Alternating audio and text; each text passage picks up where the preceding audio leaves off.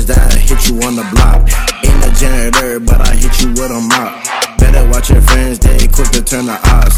And that bitch nigga will play you for a thought. Ain't, a, ain't no Star Wars, yeah, my shit. tere tulemast kuulama Ausad mehed podcasti. mina Martin Pukspuu, reisilt tagasi.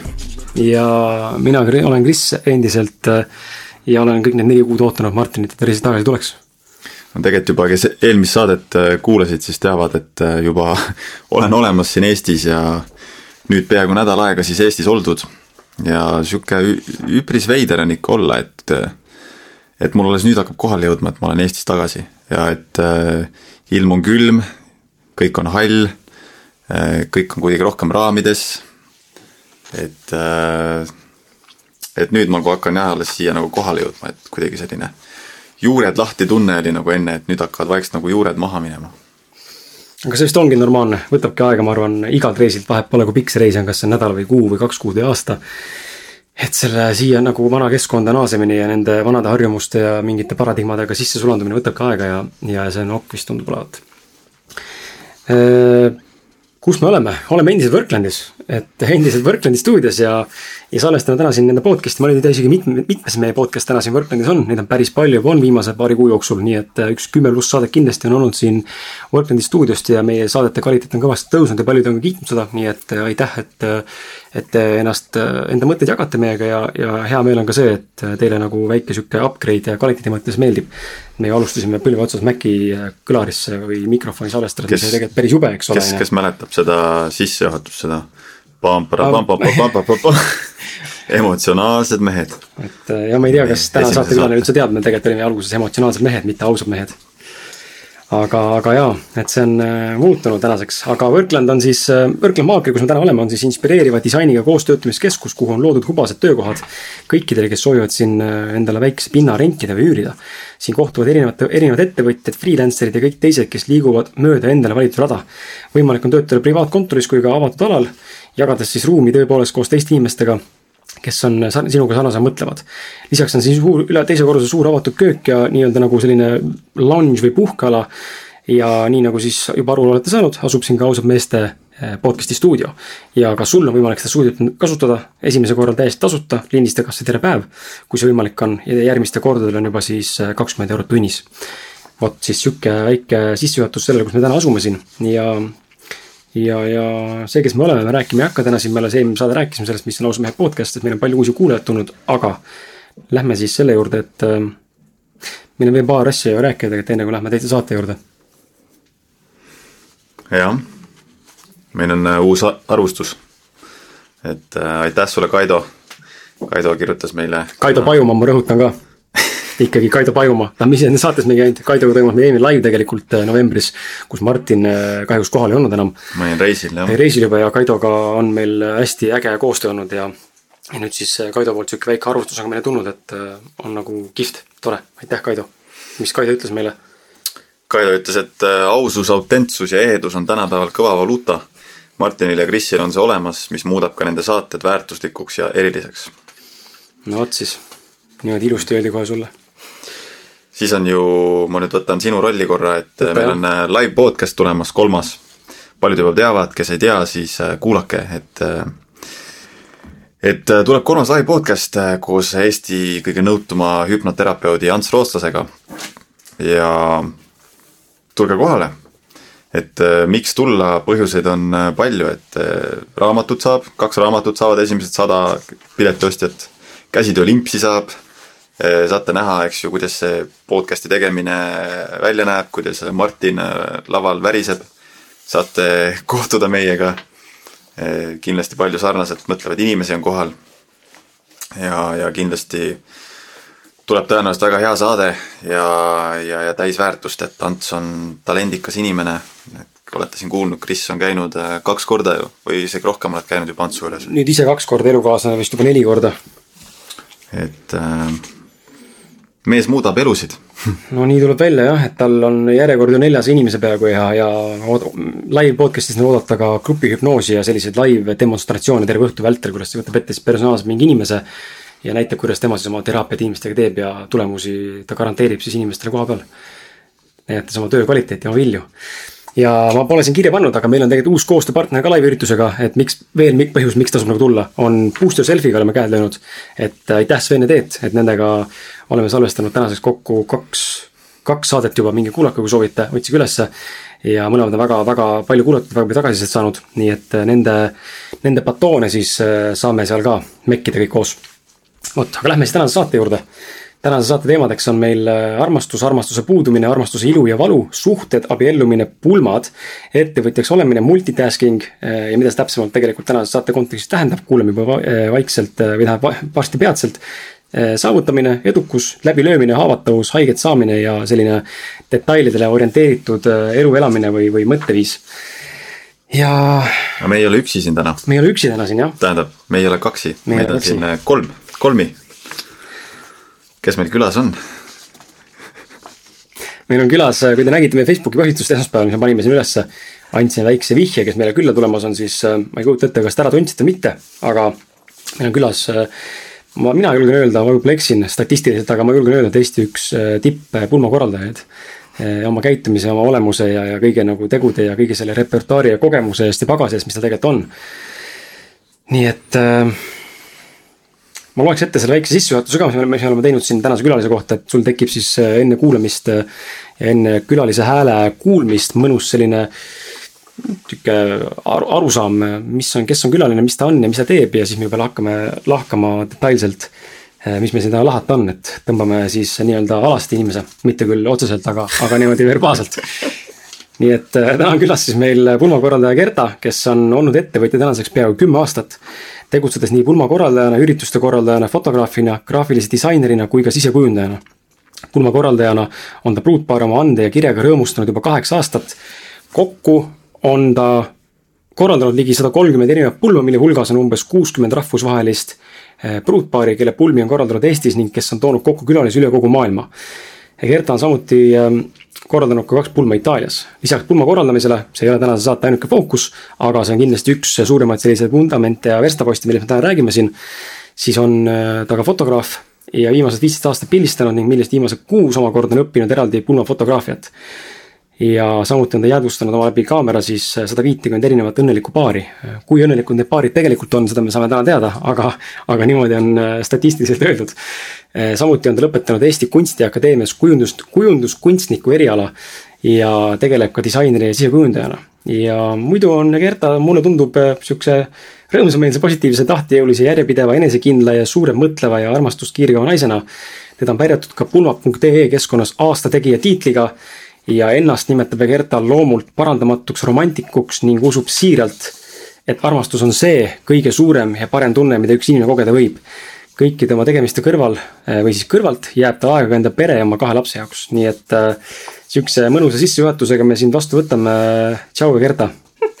tere, tere, väga meeldiv on olla siin kas, äh, mis tunne on, ma alati küsin seda, sest mind ennast alati huvitab, mis tunne on, kui keegi mis tunne on olla stuudios täna siin ja mis tunne on, kui keegi sinust sellist äh, teksti ette nagu loeb päris huvitav on, sest et endast on ju sellist teksti kokku panna hästi keeruline.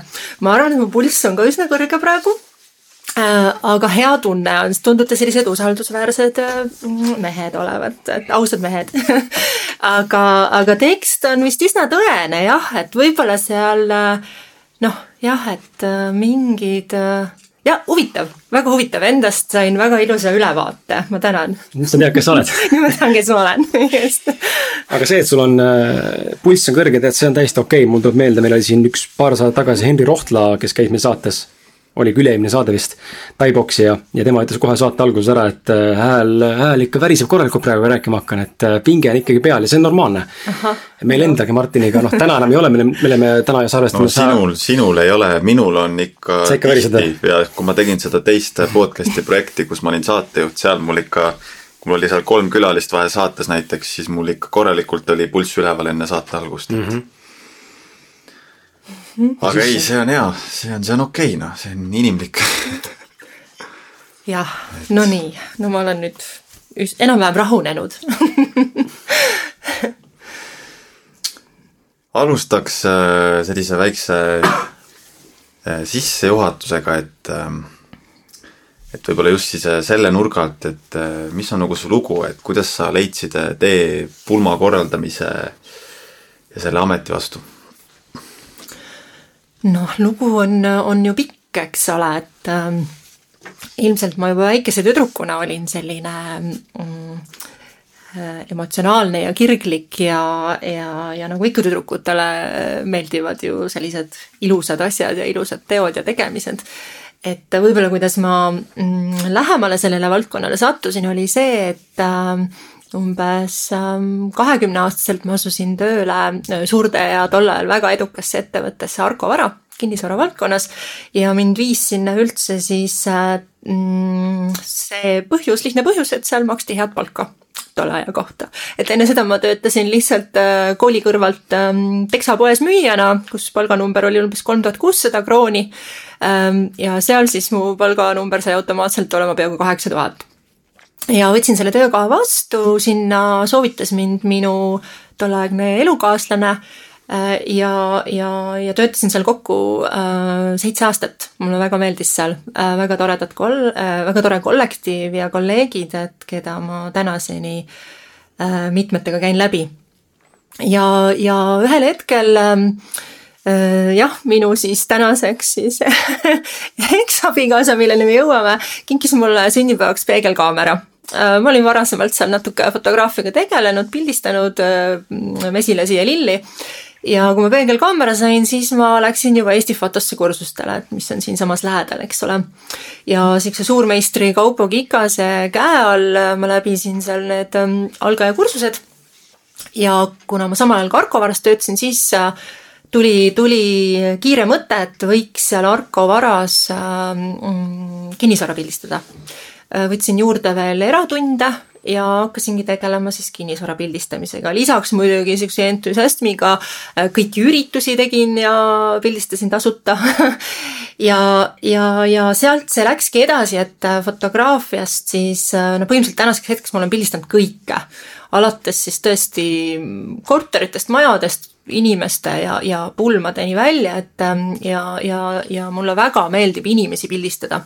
eelkõige emotsioone ja, ja kus sa neid siis kõige rohkem saad, on ikkagi pulm. et kui eestlane muidu on selline noh, pigem tagasihoidlik ja ei julge fotosessioonil naiselt ümber kinni võtta, on ju, et pead sundima peaaegu, et siis äh, pulmades on, on neid tundeid rohkem, sa näed seda.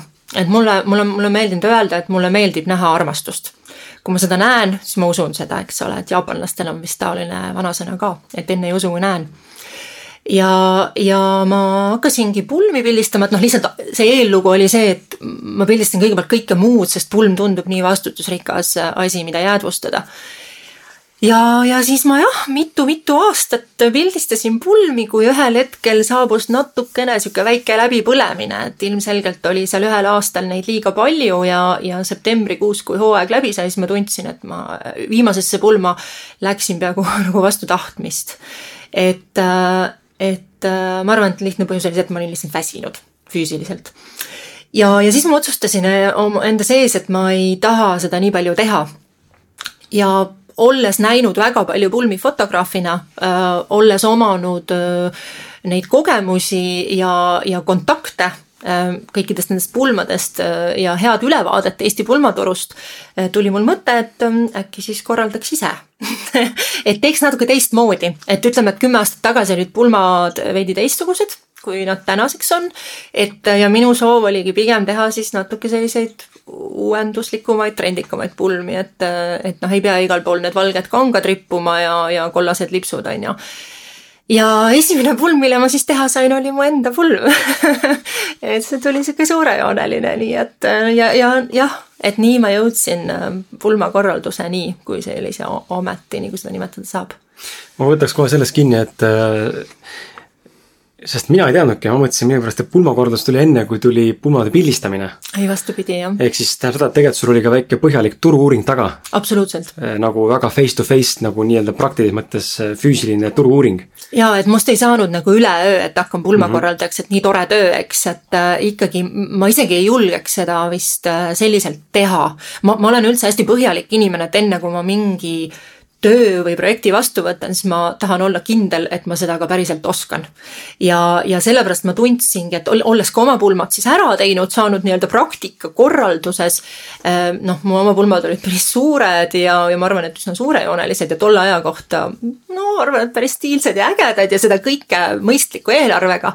et, et siis ma jah, et mm, just see, et ma teadsin kõike ja kõiki, et mul oli olemas pikk nimekiri bändidest, õhtujuhtidest, ma olin näinud noh, veidi teistmoodi pulmi ja siis selliseid pulmi, mis mulle väga meeldisid, eks ole, et, et jah, et see know-how oli päris suur. mis mulle väga tegelikult praegu siit kohe kargab, loodan, Martin, ma sulle praegu väga vahe sega, et sa tahad neid küsida võib-olla, aga mis mulle väga meeldib siin on see, et see detailide orienteerumine ja just see, et sa oled põhjalik inimene, sest sa ütlesid ühe huvitava lause, mis minuga praegu resoneerus ja tõi mulle meelde paari kuu taguse kogemuse, kui mulle pakuti ühte töökohta. siis, kui ma otsisin töökohta siin paar kuud tagasi, pakuti mulle töökohta, mine võta vastu, see oli just nimelt seal Booster Selfis äh, turundusjuht ja ma oleks pidanud hakkama juhtima siis ka välismaa nii-öelda asju mm.. mitte ainult Eesti raames ja kuna ma olen eelnevalt turundusega tegelenud, aga ma ei ole õppinud ise kõike proovinud eelmises töökohas, siis äh, ma ikka täiega fail isin, aasta otsa lihtsalt olin seal tühikargaja põhimõtteliselt, ma ei julgenud enam öelda, ma, ma ei tea üldse. ma arvan, ma lihtsalt viisin raha välja ettevõttest ja mitte midagi tagasi ei toonud, suures pildis. Äh, ja siis ma nagu mõistsingi, et ma ei saa nagu võtta vastu sellist tööd, äh, mida ma tegelikult noh, päriselt tean, ma ei oska ja mhm. millega ma hakkama ei saa, aga võtan vastu sellepärast, no pohhui, vaatan, kuidas läheb, küll ma õpin, keegi, ma olen ka nagu see inimene, kes, äh, ma pean tundma ja ma päriselt saan pakkuda seda väärtust mm. ettevõttele või kliendile või, või endale või mis iganes, ma suudan, olen nagu capable või nagu võimeline toime tulema selle vajamineva tööga. ma ei taha nagu teha sihukest otsust, et võib-olla ma ebaõnnestun mm. Ma ei tea, kas see on hea või halb, aga mul lihtsalt nagu jäi, jäi praegu siit seesama teema sinu puhul ähm, kinni, et et ka sulle tundub, et on oluline see, et sa tegelikult oleks kindel ja mingil määral veendunud, loomulikult mingeid takistusi võib ju tulla, ootamatusid, aga pigem suures pildis olla veendunud, et sa saad sellega hakkama jah, et mingi põhi peab nagu all olema, eks ole, ja, ja samal ajal ma tegelikult juba olin ju alustanud ka õpinguid Eesti Kunstiakadeemias. ja kuna ma olin valinud sellise noh, Arko Vare kõrvalt õhtuse õppe ja erialaks siis kujunduskunst, mis oli üsna äh, lai eriala mm,, Äh, sest et ma teadsin, et minust ei, ei saa täiskohaga sisekujundaja või, või et ma ei suuda päevad läbi arvuti taga olla ja teha siis äh, igasugu graafilisi kujundusi, on ju. et, et siis ma nägin sealt, et ma saan seda akadeemias omandatud oskusi ka rakendada sellesse pulmakorraldustöösse, sest et äh, noh, üks osa on see korraldus, teine osa on visuaalne pool, mis on nagu inimestele päris oluline. et, et jah, et need kõik kuidagi toetasid üksteist Äh, need e-, eelmised sammud, siis need, mis tol hetkel toimus just, eks. ja, ja noh, ja siis tuli meil kuulus äh, masu majanduslangus ja, ja Arko Varast jah, umbes pooled inimestest koondati, sealhulgas mina. ma olin selle üle tegelikult väga õnnelik, äh, sest et ähm, ma natuke ootasin seda, ma olin seal seitse aastat töötanud, küll ähm, põhimõtteliselt iga aasta pooleteise tagant ametiredelil ülespoole jõudnud, et, et ma lõpuks olin seal jah, otsapidi mm, või varvast pidi turunduses sees, arendusprojektide müügi siis koordinaatorina töötasin ja, ja mingid sellised ülesanded olid, aga noh, ma ikkagi tundsin, et mm, noh, väga palju inimesi, kes selle ettevõtte nagu tegid, olid sealt lahkunud või, või lahkuma sunnitud. et aga noh, olukord oli selline. Ja, ja jah, ja siis tuli see koondamisteade, mis oli nagu noh, ma ootasin seda ja, ja, ja elus vahest tundub, et ähm, mõned asjad nagu väga hästi ja kenasti voolavad, sest et kui ma enne seda olin natuke arglik lapse saamise osas, siis ähm, nii kui ma sealt töökohalt äh, olin kuu aega vaba olnud, siis ma jäin beebiootele ja sain oma, jään oma tütart ootama. ehk siis noh, kõik oli valmis, nagu arst ütles ka, et järelikult sa olid valmis mm. -hmm. jah, et äh, jah, nii kus me nüüd siis jäime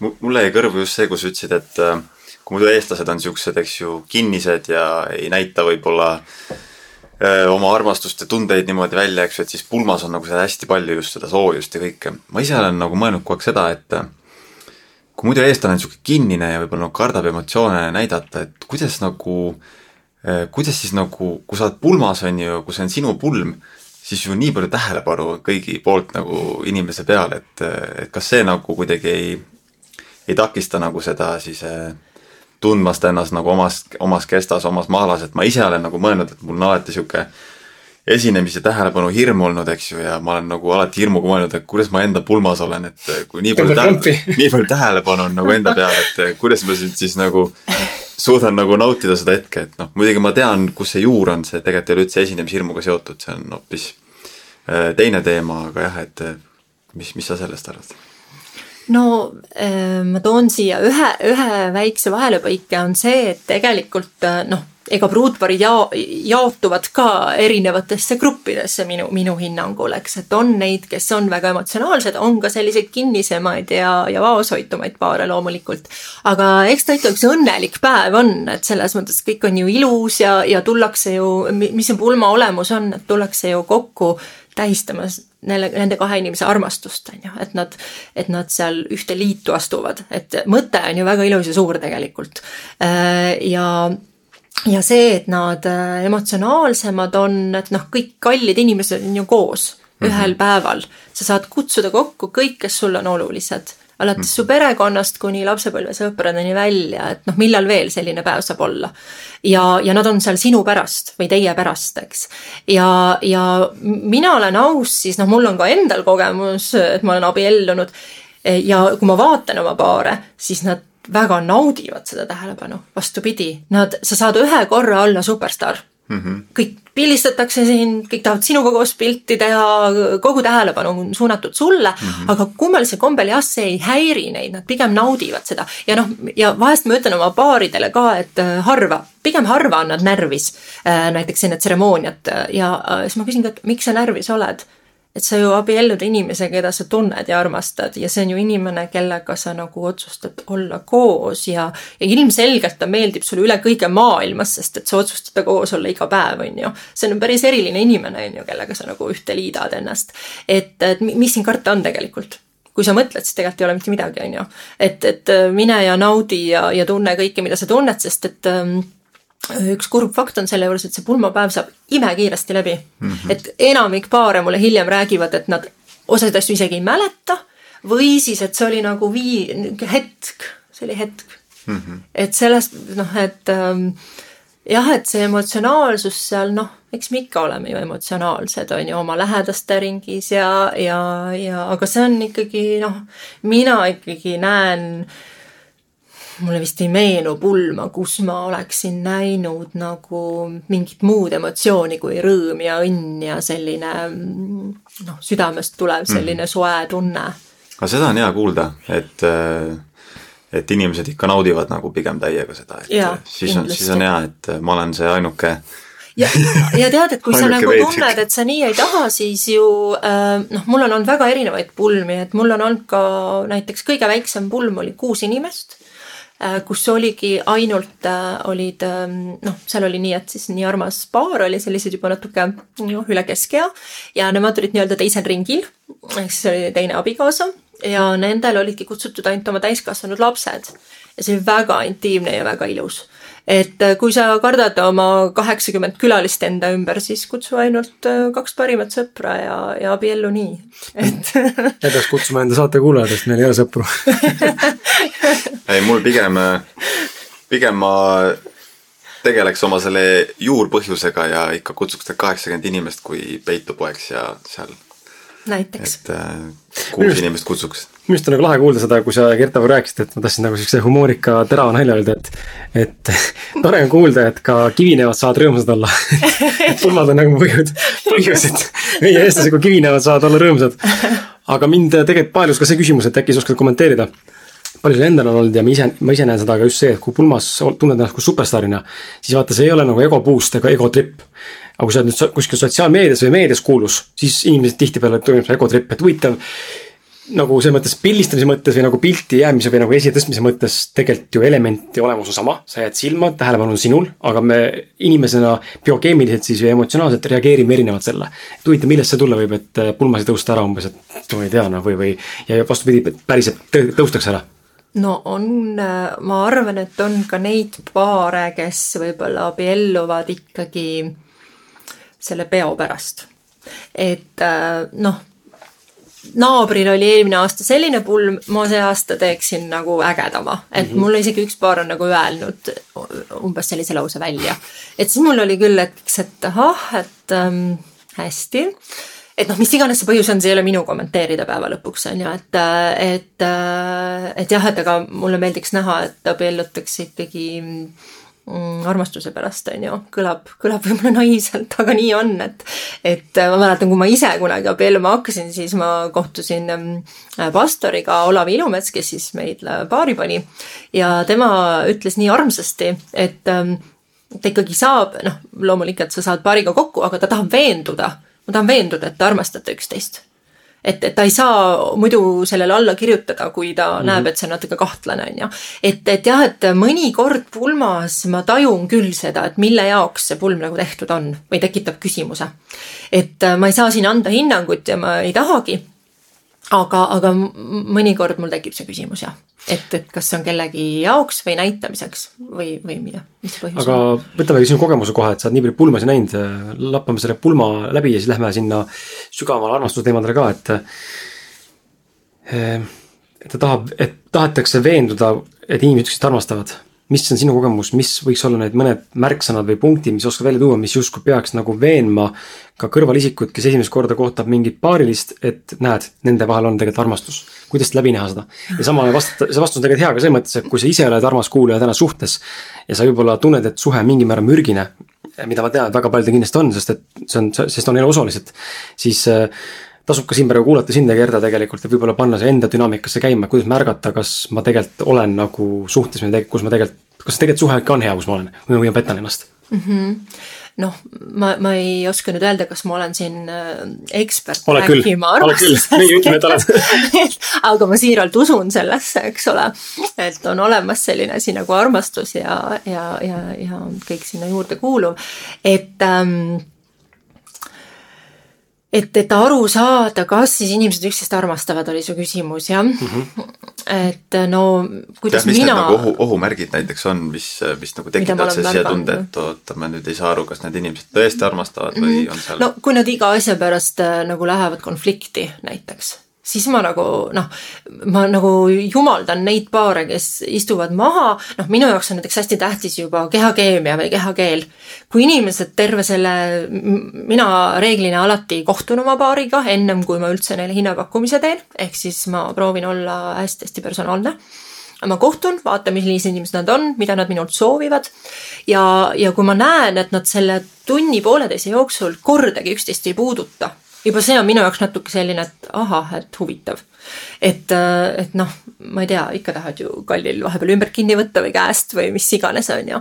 või, või siis, et jah, et kui on mingi noh, suures plaanis, suures pildis mõttetu pisidetail, ma ei tea, mis värvi see laudlina on ja kui selle üle minnakse, astutakse konflikti ja sellisesse, et kumbki järele ei anna ja siis mina pean seal olema korraks, ma olen nagu selline, et ahah, et äh, okei okay,, et mis ma nüüd siis teen, on ju. siis ma noh, sekkun, ma ütlen alati, et teate, et äh, seda arutame, arutage hiljem kodus, et see on niisugune väike detail, et äh, me ei pea üldse sellele praegu keskenduma. et, et siis ma nagu mõtlen, et mis siis nagu noh, mina isiklikult I don't care, on ju, mis värvi see laudlina on päeva lõpuks, kui sina, kallis, tahad, et see on äh, roosa, siis palun las ta olla roosa, on ju, kui see teeb sind õnnelikuks. et, et kas sa oled nõus loobuma mõnest mitteolulisest pisiasjast teise inimese õnne nimel.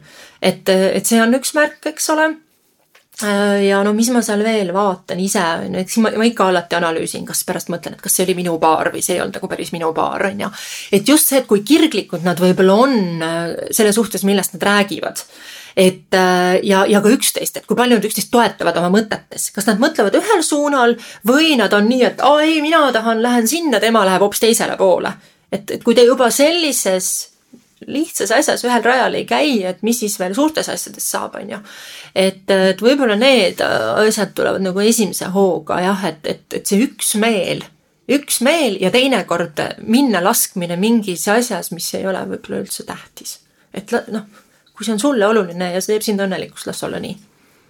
et võib-olla siuksed mõtted. meil on tegelikult hunnik küsimusi kirjas, aga ma ütlesin sulle ka enne eelnevalt juba, et meil võib tulla väga spontaanseid uusi küsimusi ja praegu tegelikult tulebki ja mul võtan uuesti kinni siit sellest kohast, et mida ma ise jälle näen ka inimeste puhul ja enda suhetes olen näinud ja suhtes olen näinud mõnikord, et just see, et eh, kuidas leida tasakaalu selle vahel, et eh, millal ma sean partneri otsuse või tahtmise äh, esikohale ja millal ma seisan enda valikus, sest tegelikult kõige tähtsam on ju mina ise ja siis on partner. aga kus on tasakaal ja millal ma teeks õige valiku, sest ma näen ise seda enda elus näinud inimeste valikutes samamoodi, et on, on nagu kahte äärmust samamoodi olemas ja tasakaalu on suht tihti nagu vähe, aga eksisteerib loomulikult. aga et kuna sa seda mainisid, siis äkki sa oskad kommenteerida, mis on nagu need sinu kuidas nagu leida tasakaalu? no kui ma iseendast räägin või kuidas mina oma tänases suhtes otsustan, võib-olla see kõlab isekalt, aga põhimõtteliselt on nii, et kui on mingi otsus vaja teha ja mul suures plaanis vahet ei ole, siis ma lasen oma partneril otsustada mm. -hmm kui mul ei ole vahet, kas me ostame sinise või musta auto ja tema tahab musta, siis ostame musta. kui mul ei ole vahet, kas me läheme Saaremaale või Hiiumaale, siis äh, tema tahab minna Hiiumaale, vali ise. et kui mul nüüd on kindel selge eelistus, siis ma no püüan argumenteerida, miks ma seda soovin ja, ja väga oluline ju tegelikult see, kuidas sa ennast väljendad. sa võid ka öelda, et äh, oh, mis asja, jälle see Saaremaa, ma tahan mm -hmm. minna Hiiumaale, mul on kõriauguni sellest Saaremaast, on ju või sa ütled, et kuule, kallis, et ähm, noh, mulle see Hiiumaa on nii südamelähedane, on ju, et ma nii väga tahaks minna, et äkki me sel korral läheme. ja lähme järgmine kord Saaremaale mm. -hmm. ma arvan, et päris kindlasti on see elukaaslane nõus ja ütleb, et okei okay,, läheme sinna Hiiumaale siis on ju.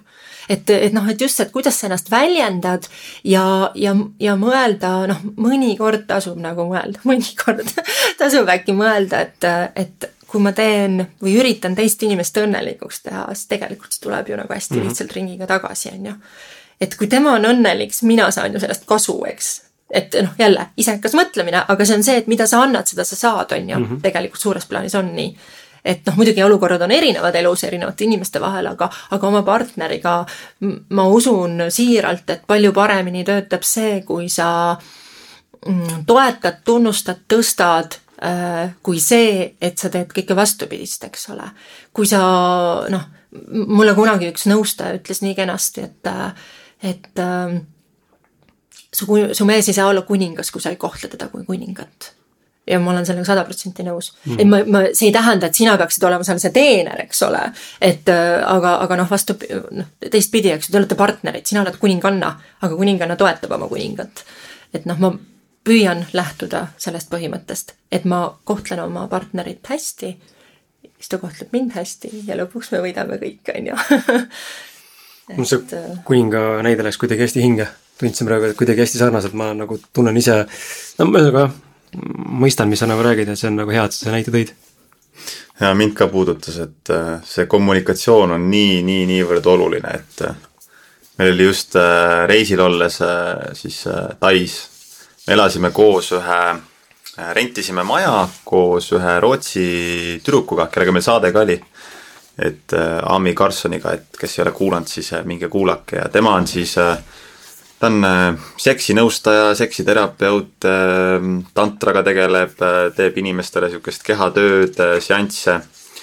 ja jube huvitav olukord oli, kus mu siis elukaaslane ärritus millegi peale ja siis just see, see, see tüdruk, see Ami oli seal kõrval ja hakkas meid siis nagu nii-öelda väikest teraapiat meile tegema, meid nagu vahendama seal, et ja jube hästi tõi nagu välja selle pointi, et kui mu elukaaslane oleks kommunikeerinud end armastavamalt, ma oleks hoopis teistmoodi reageerinud mm. -hmm. ja sihuke hästi noh, hästi ilus oli seda näha kõrvalt, et kuidas keegi kolmas tuli nagu tegelikult näitas meile mõlemale, kui oluline on see mis sõnu sa kasutad ja mis tooni ja, kuidas, kuidas sa kommunikeerid just nimelt, et. noh, et hästi lihtne on ju minna selle emotsiooniga kaasa, mis sind äh, valdab, aga see ongi see, et ähm, noh, ma pisut olen õppinud emotsioonide juhtimist, eks ole.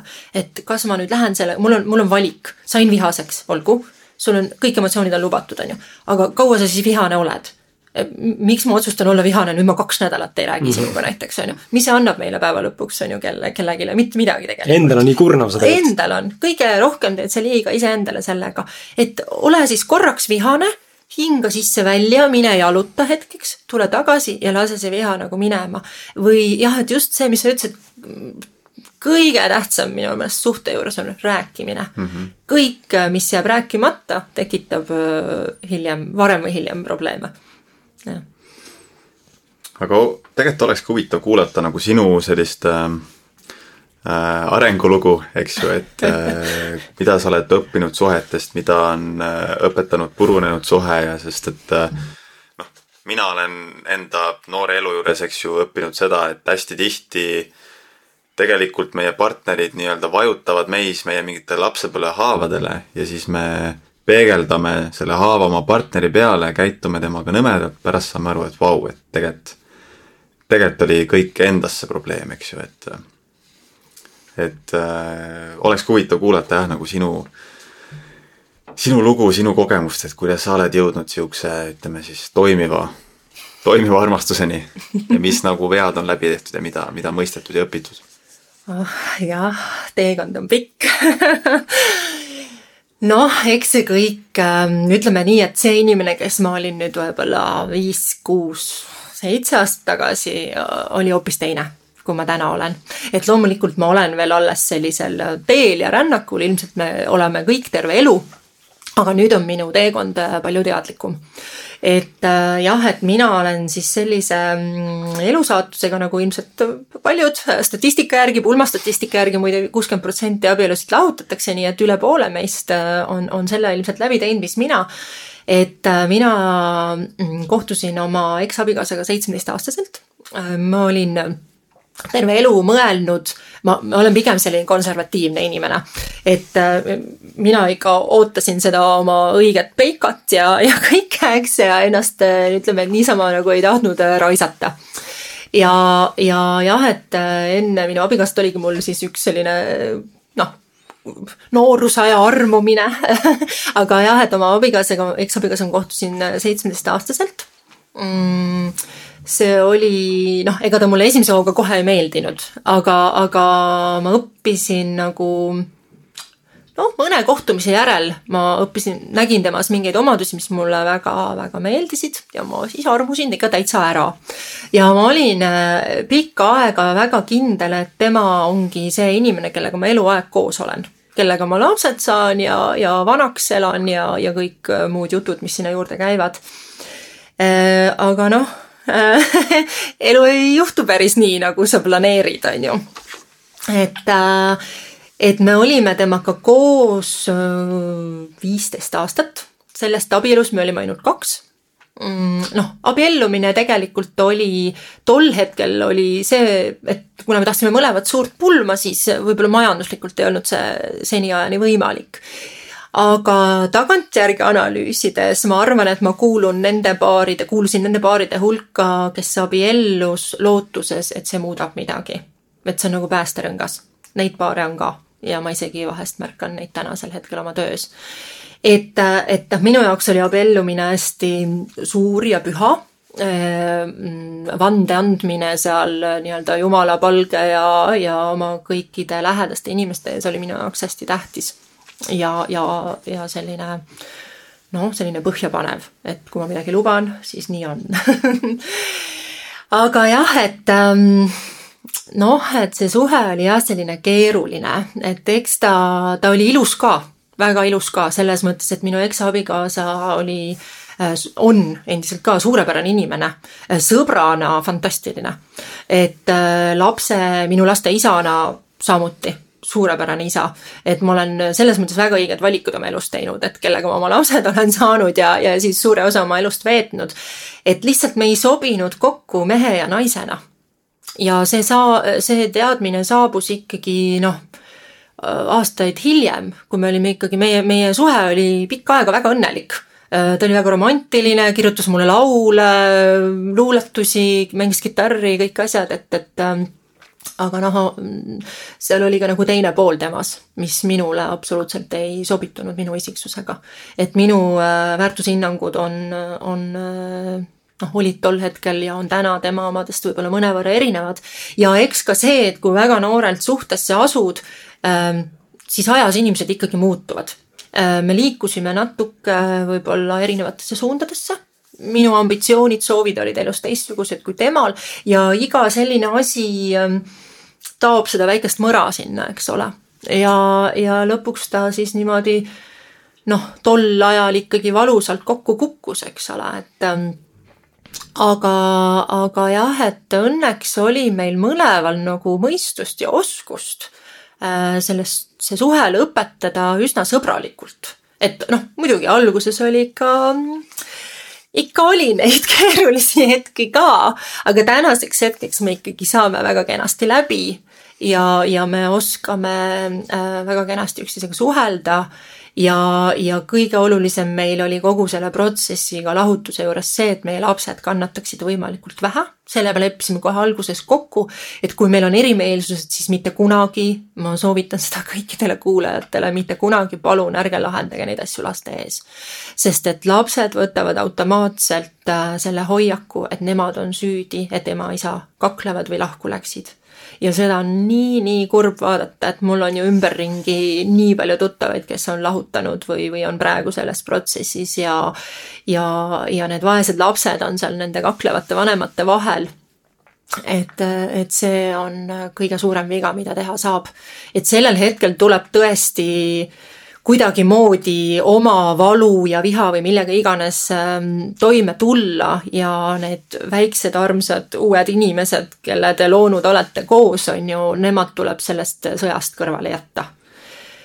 et, et mina jah, et ähm, olen nagu omajagu, omajagu jah, igasugu katsumusi läbi teinud, et eks, eks ka seda lahkuminekut lükkasin edasi kogu aeg suures hirmus, et ma ei saa hakkama noh, ma arvan, et väga paljudel naistel on sama mõte. ma ei saa hakkama majanduslikult, üksinda, kes mind tahab selle kahe lapsega, on ju, noh, kõik siuksed mõtted. et äh, aga see kõik on absoluutselt vale täna ma saan öelda, et sa saad väga hästi hakkama, mina sain väga hästi hakkama, ma võiksin öelda, et äh, kui ma olin suhtes, minu töö ei sujunud nii, nagu ta sujub täna, minu sissetulekud olid väiksemad tunduvalt, kui nad on täna. Äh, ma ei olnud, see ongi see, et kui sa ei ole õnnelik inimene, siis sa ei saa teha oma, oma tegemisi ka õnnelikult. ja, ja, ja ei saa ka eeldada või oodata, et keegi teine sind õnnelikuks teeb mõnes mõttes. mina natuke ootasin mina ei teadnud too aeg, et tegelikult õnnelikuks saad ennast teha ainult sina ise, on ju ja kui, ja noh, seal teine tugev teema, mis ma hil-, hiljem siis ütleme, et minul tulid need taipamise teadmised kõik pärast kolmekümnendat eluaastat alles, on ju, on, on ju see, et ähm, kõik see ka saab alguse või mis iganes meie eluprobleemid saavad ju alguse sellest, kui sa iseennast ei armasta ega väärtusta. noh, minul on olnud äh, tõesti selliseid aegu, kus äh, noh, kõige halvem oli ilmselt see, ma mäletan väga hästi siiani, et ähm, ma ei julgenud toast välja minna. mul oli vaja poodi minna või mis iganes tavapärane asi ähm,. ma arvasin, et ma olen nii inetu, et tänaval inimesed vaatavad mind ilma naljata et ma olen nii kole ma mäletan seda täiesti selgelt ja ma isoleerisin ennast tuppa, ma ei läinud isegi, ma ei tea, poodi piima ostma, sest et ma arvasin, et keegi vaatab. ma ei elanud tol ajal veel muide Tallinnas, ma elasin nii-öelda nagu maal, on ju, Tallinnast nelikümmend kilomeetrit, on ju. et noh, mine kas, noh, ma ei tea, täna ma lähen dressidest poodi ilma meigita, noh, mind ei huvita see, mida keegi arvab, on ju. aga tol ajal ma tõesti arvasin nii ja, ja noh, eks sellel oli mitmeid põhjuseid, üks ongi see, et ma ei, ei osanud võib-olla, ma, ma ma ei suutnud elu sees vaadata peeglisse ja mõelda, et ahah, et, et ma armastan ennast. Öelda, ma olen seda harjutust nüüd siis mõni aeg tagasi õppisin ära ja olen seda reaalselt ka teinud, on ju. algul tundus imelik, aga tõepoolest sa hakkad ennast armastama, kui sa hommikuti ütled endale niimoodi. noh, loomulikult on seal muid toetavaid tegevusi veel aga jah, et see enesearmastuse mm, puudumine oli kindlasti ja, ja noh, ja siis mingid haavad, mis seal suhtes tekkisid, eks ole, olid, põhjustasid siis sellise ebakindluse, et jah, et aga noh, siis ma tegin lõpuks ära selle julge sammu ja astusin sellest suhtest välja, äh, kus ma enam olla ei tahtnud juba ammu. ja, ja mis on ka veel, et kui inimesed on halvas suhtes, siis äh, ega sa muudad selle teise inimese elu ka päris kohutavaks tegelikult. ma pärast tagantjärgi nagu mõtlen, et ega ma oma eksabikaasa elu ka vist väga lihtsaks ei teinud. ma, ma tol ajal muudkui süüdistasin teda, eks ole, et äh, sina tegid seda, seda, seda, seda, vaatamata ise peeglisse ja mõtlemata, mis see minu roll oli või mida mina siis tegin. täna ma tean väga hästi, mida mina tegin ka. minul oli oma roll aga, aga, aga mina olin seal sihuke nagu haavatud hirv, on ju, nurgas vihane ja muudkui süüdistasin teist inimest ja tegin tema elu ka talumatuks. ja... siis nagu see ohvri, ohvri rollis jah, selles mõttes. just, ohvri rollis, just. ja, ja siis sa elad seda viha seal selle inimese peale välja ja noh, see on surnud ring. see ei vii mitte kuhugi lõpuks, on ju, ja noh, siis ongi, ma olen ise mõelnud, et kui, kui noh, mul on ka ju tuttavaid päris palju ja, ja vaatad, et ähm, nii mõnigi neist on halvas suhtes ja mõtlen, miks nad seal on. aga siis ma mõtlen, miks ma ise seal olin, on ju. ja, ja minust on ikkagi kaks valikut. A, sa proovid teha kõike, et see päästa. loomulikult on seal ka vaja, on ju, teist inimest, kes natuke proovib. või B, sa loobud ja kõnnid ära. mina otsustasin ühel hetkel loobuda ja ära kõndida ei olnud lihtne minna kahe väikse lapsega, ma tulin Tallinnasse elama siis. ma olin alati tahtnud Tallinnas elada et seal meil olid juba põhimõtteliselt erinevused, eks ole. ja, ja tulin oma kahe lapsega Tallinnasse elama, kolisin üürikorterisse majast, on ju ja alustasin algusest, õppisin, kuidas ma ei tea, ma ei olnud varem tegelenud sellise asjaga, et nii, et nüüd telli mingi kaabel, televisioon või asi omale koju, on ju, või siis, et ahah, et auto, olgu autorehvide vahetused, hooldused, ahah, hästi. no ma ei olnud ka mingi saamatu naine, aga need on rohkem siuksed nagu meeste tööd, eks on ju et sa ei pea muretsema, noh, ma, ma täna ka tegelikult aus olen, ma ei taha muretseda autoasjade pärast, see on nagu, las mehed tegelevad sellega, on ju. et äh, aga ma pidin kõike seda ise tegema ja tänaseks hetkeks ma olen tegelikult väga tänulik selle eest. et äh, ma elasin ikkagi üksi oma lastega ähm, pea viis aastat äh,. ma ei soovinud ühtegi tõsisemasse suhtesse astuda. ja see viie aastaga ma õppisin ära kõik asjad ja tegelikult näed, et kõigega saab jumala hästi ise hakkama. nii et need naised, kes arvavad, et ei saa, saab küll. ja väga hästi saab. ja, ja see, aga iseasi küsimus on, et kas peab just just. et äh, nii, kas ma nüüd vastasin su küsimusele või? no mõttelõng läks nüüd kuhugi. jaa, põhimõtteliselt küll. jah vastasid küll, mina lihtsalt tahtsin, tahtsin lisada seda, et mulle, mind väga kõnetas, mul läksid silmad peaaegu märjaks, ma tundsin sel hetkel, kui sa ütlesid, et et laste ees ei tohiks tülitseda, sellepärast et me võtame, lapsed võtavad selle süüdistava rolli endale, et mina olles, ma olen siin ehe näide, mis meid kuulavad, teavad juba seda rohkem võib-olla, aga aga ma usun, et ma, noh, ma ei ole ainukene nii-öelda üksiksarv, kellel see probleem on, ma arvan, et see meie ajastu ja üldse tegelikult erinevate generatsioonide probleem, see muster on, on kandunud, ma arvan, ikkagi noh, ta kordub ennast korduvalt ja, ja mina näen täna tugevalt seda, kuidas tänu teraapiale siis ma sain ka aru, et minu, minu vanematevahelised probleemid seal kümneaastasena olles, ma tegelikult süüdistasin iseennast äh, kuni tänaseni välja. ja, ja mis ta nagu teeb, et ühtpidi sa rääkisid nagu läbi vanemate pilgu, et lapse ees ei tohiks olla, aga ma saan nagu rääkida selles mõttes, et lapse perspektiivist juurde olles täna kakskümmend kaheksa, aga nagu läbi käinud selle teekonna nüüd, et äh, kaheksateist aastat see väidetavalt äh, hoidis mind edu, raha, suhteid, kõiki asju kinni. sest ma olin väike poiss oma energeetiliselt kuidagi. ja see on nagu tohutu, see on tohutu koorem ja ja kui ma emale ütlesin seda, ma mäletan, ütlesin välja, mis juhtus, siis eh, ema muidugi hakkas nutma vist, aga ja sai nagu haiget, tundis süümekaid, sest et ta ei teadnud, et tegelikult nii suur haav jäi. keegi mm -hmm. ei ole nagu süüdi, aga see tõepoolest on Just. asi, mis, mis tõesti põhjustab päris suure trauma. Eh, võib-olla mitte kõigile, aga mul, mul, mul, mind see mõjutas.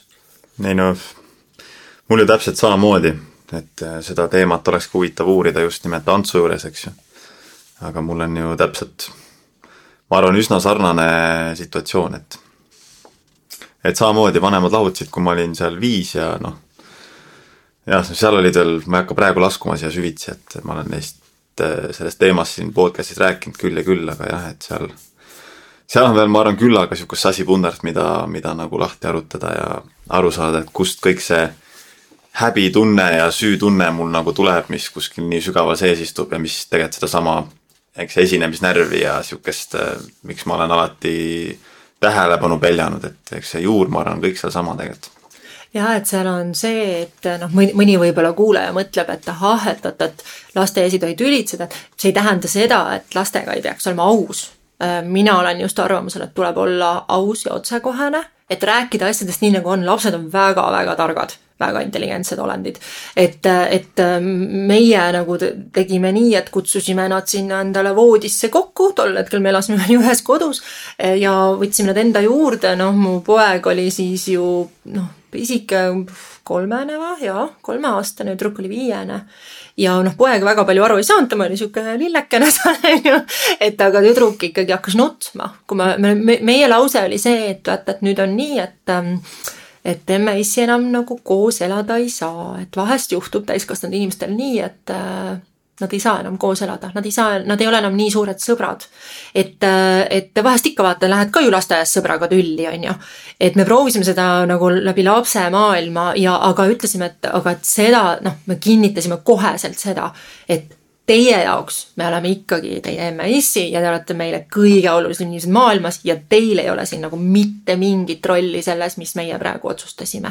ja täna, kui mu tütar on kümme ja poeg on kaheksa, mu tütar väga tihti ütleb, et teate, et ma isegi ükskord nagu mõtlesin, et te ei ole Issiga nagu väga sarnased, on ju, et noh et ta isegi ei kujutaks ette, et me koos oleksime. ja, ja ta armastab meid mõlemaid võrdselt, ta pidevalt ütleb seda, et oh, mina armastan teid küll mõlemaid ühepalju. et mul on selle üle siiralt hea meel, et lahutus ei ole põhjustanud seda, et nüüd ema on kuidagi olulisem või kui isa, on ju. et seda ju tihti on suhetes, et lapsed jäävad emaga ja siis isa on seal kuidagi sellises äh, vaeslapse rollis, mis, mis ei ole õiglane.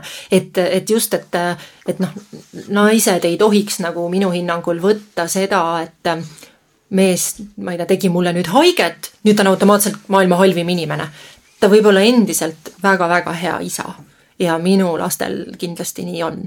et, et ma olen täna väga uhke ja väga õnnelik selle üle, et me tõime oma lapsed sellest protsessist ma loodan, et elusalt ja tervelt nagu välja, et neil ei ole neid haavu, mis te mainite siin ja ka, mis ka minul, sest mina olen ka lahutatud vanemate laps tegelikult, on ju.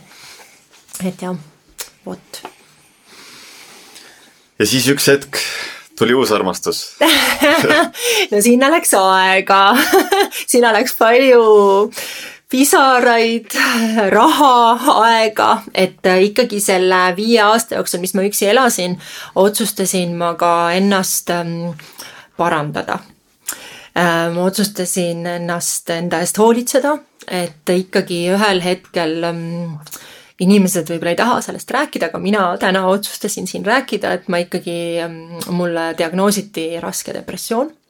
kui ma hommikul ärkasin ülesse ja äh, mu käed värisesid, siis äh, ja noh, sellele eelnesid kõik magamatused ja üksi olemise hirmud ja kõik, kõik, kõik, mis seal on, on ju äh, siis ma otsustasin, et nüüd on halvasti, et nüüd ma lähen arsti juurde ja seda ma ikkagi inimestele väga soovitan et kui sa tajud, minu jaoks oli nagu see murdepunkt oli see, et kui asi läks füüsiliseks. kui mul oli füüsiliselt halb olla, noh, loomulikult enne seda oli periood, kus ma olin kurb ja olin vihane ja kõik on ju asjad, aga noh, neid saab leevendada, lähed jooksma, kuuled head muusikat, kohtud sõbrannaga kohvikus on ju, kõik siuksed asjad. aga kui asi läks füüsiliseks, siis ma tundsin, et ma vajan abi, et ma ei tule sellega toime ja kui sul on ikkagi kaks last teises toas ja, ja sa oled magamistoas niimoodi, et sa värised ja nutad, on ju, siis äh, sa ei taha, et su lapsed seda näevad. et siis tuleb midagi teha. ja, ja ma läksin arsti juurde, diagnoositi raske depressioon ja mulle määrati ravimid helistasin pärast seda oma parimale sõbrannale, nutsin, ütlesin, et issand jumal, et kuidas ma neid võtma nüüd hakkan, sest ma olen äh, enne seda, mina kuulusin nende inimeste hulka, kes arvasid, et ah, mis see depressioon on. nagu minu mõni lähedane inimene ütles mulle, et kuule, et noh, mine, mine tead äh,, ma ei tea, mine tee midagi, mine trenni ja, ja joo klaas veini ja et nagu ära hädalda, on ju. et siis tegelikult on see ikkagi tõsine haigus ja, ja sellega peab tegelema. et mina jah, äh, võtsin mõnda aega antidepressante, aga kohe sinna juurde ikkagi teadlikult hakkasin tegelema ka vaimse poolega et ähm, erinevad, noh, ma proovisin igast igasuguseid asju, et psühholoogi juures käimised ja konstellatsiooniteraapiad ja mingid rännakud ja, ja ma olen käinud kolm korda äh, palverännakul Hispaanias, Caminos de Santiago, kui inimesed teavad. Äh, Urmas Kamdra on su tuttav? jah Armas rääkis meile ka sellest teekonnast tookord meie saates. jah, mina olen seal kolm korda käinud, ma olen küll teinud selliseid umbes kolmesaja kilomeetriseid lõike, et pikaks, noh, ma ei saa ära minna kuuks ajaks või kaheks, eks ole. et kõik sellised asjad, mm, mis ma siis äh, olen viimase viie aasta jooksul läbi teinud ja äh, ikkagi on mind ravinud, toetanud, kasvatanud. et äh, noh, öeldakse ju, et inimene õpib läbi valu, on ju, või keeruliste situatsioonide ja, ja kui ta on mugavustsoonist väljas, absoluutselt nii on. et, et kui ma oleks võib-olla jäänud sinna suhtesse, elanud edasi oma mugavat elu, siis ma ei oleks kindlasti täna see inimene, kes ma olen, et, et jah ja, ja, ja, ja selle uue armastuse kohta, et ega noh, seal vahepeal oli ikka mingeid peikakandidaate ka, on ju. et aga noh, need ka üht-teist mulle õpetasid, on ju, et, et kindlasti õpetasid seda, mida ma ei taha oma ellu. õpetasid seda mm,, mida, mida ma tahan sest nii noh, mul oli võib-olla vahepeal, vahepeal sihuke no kaks peikat võib-olla on ju. et, et, et, ähm, et nende, nendes olid kindlasti ka väga häid omadusi. aga ma jah, kuidagi olin selline ettevaatlik ja põhjalik, on ju, et ma ei tahtnud astuda tõsisesse suhtesse enne, kui ma tunnen, et see on see. et noh, inimesed ju vahest võtavad endale kaaslase, olles lahutanud et mul oleks keegi. lohutuse eesmärgil. just, ma ei taha olla üksi, on ju. see mhm. üksinduse hirm on väga suur hirm, on ju. E, minulgi oli, ma mäletan õhtuid, kus ma, mul oli, mul pidi olema kogu aeg midagi planeeritud. ma ei tahtnud üksi kodus olla. täna mul on nii, et oh, tuleks mõni õhtu, kus ma saaks üksi kodus olla, on ju. et ma ei pea kuhugi minema ja jah, et ja siis jälle nagu raamatust loetult ma väga hästi mäletan, kui ma noh, ma olin ikkagi nagu tubli ja aktiivne, onju, ma käisin kohtingutel ja, ja lasin ennast viia teatrisse ja kinno ja restorani ja, ja nautisin. et mõnes mõttes on see isegi päris huvitav mu elus, et kuidas, kui ma kohtusin oma abi, eksabikaasaga seitsmeteistaastaselt, siis ma ju enne seda ei elanud sellist elu, et ma oleks käinud niimoodi väljas ja, ja nii-öelda mul üks sõbranna ütles väga hästi, et tuleb sõeluda ennem kui sa otsuse teed või selle kullatüki leiad, on ju. et, äh, et mina ei olnud sõelunud mm, ja mina sain oma sõelumise teha nüüd siis pärast lahutust.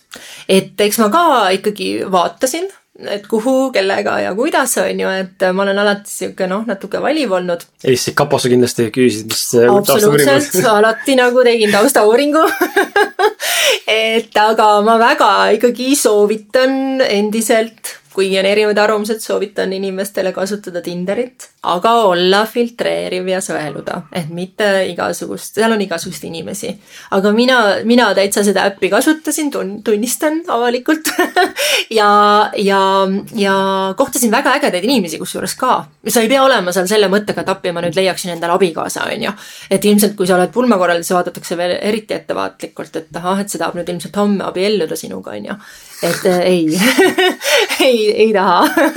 Et aga, aga jaa, et see oli väga põnev periood mu elus, et väga ägedad inimesed äh,, palju vahvaid käimisi ja tegemisi, aga mul ei tekkinud jah tunnet peaaegu mitte ühegagi seal, et mm, vot temaga ma nüüd tahaks, ma ei tea, hakata koos elama ja äkki ühel päeval uuesti abielluda ja, ja mis, mis kõik veel, on ju kuni siis põhimõtteliselt ähm, ühe hetkeni, et ma nagu arvasin, et noh, et äkki siis Eestimaal ei olegi sellist meest, keda, kes mulle sobiks üldse.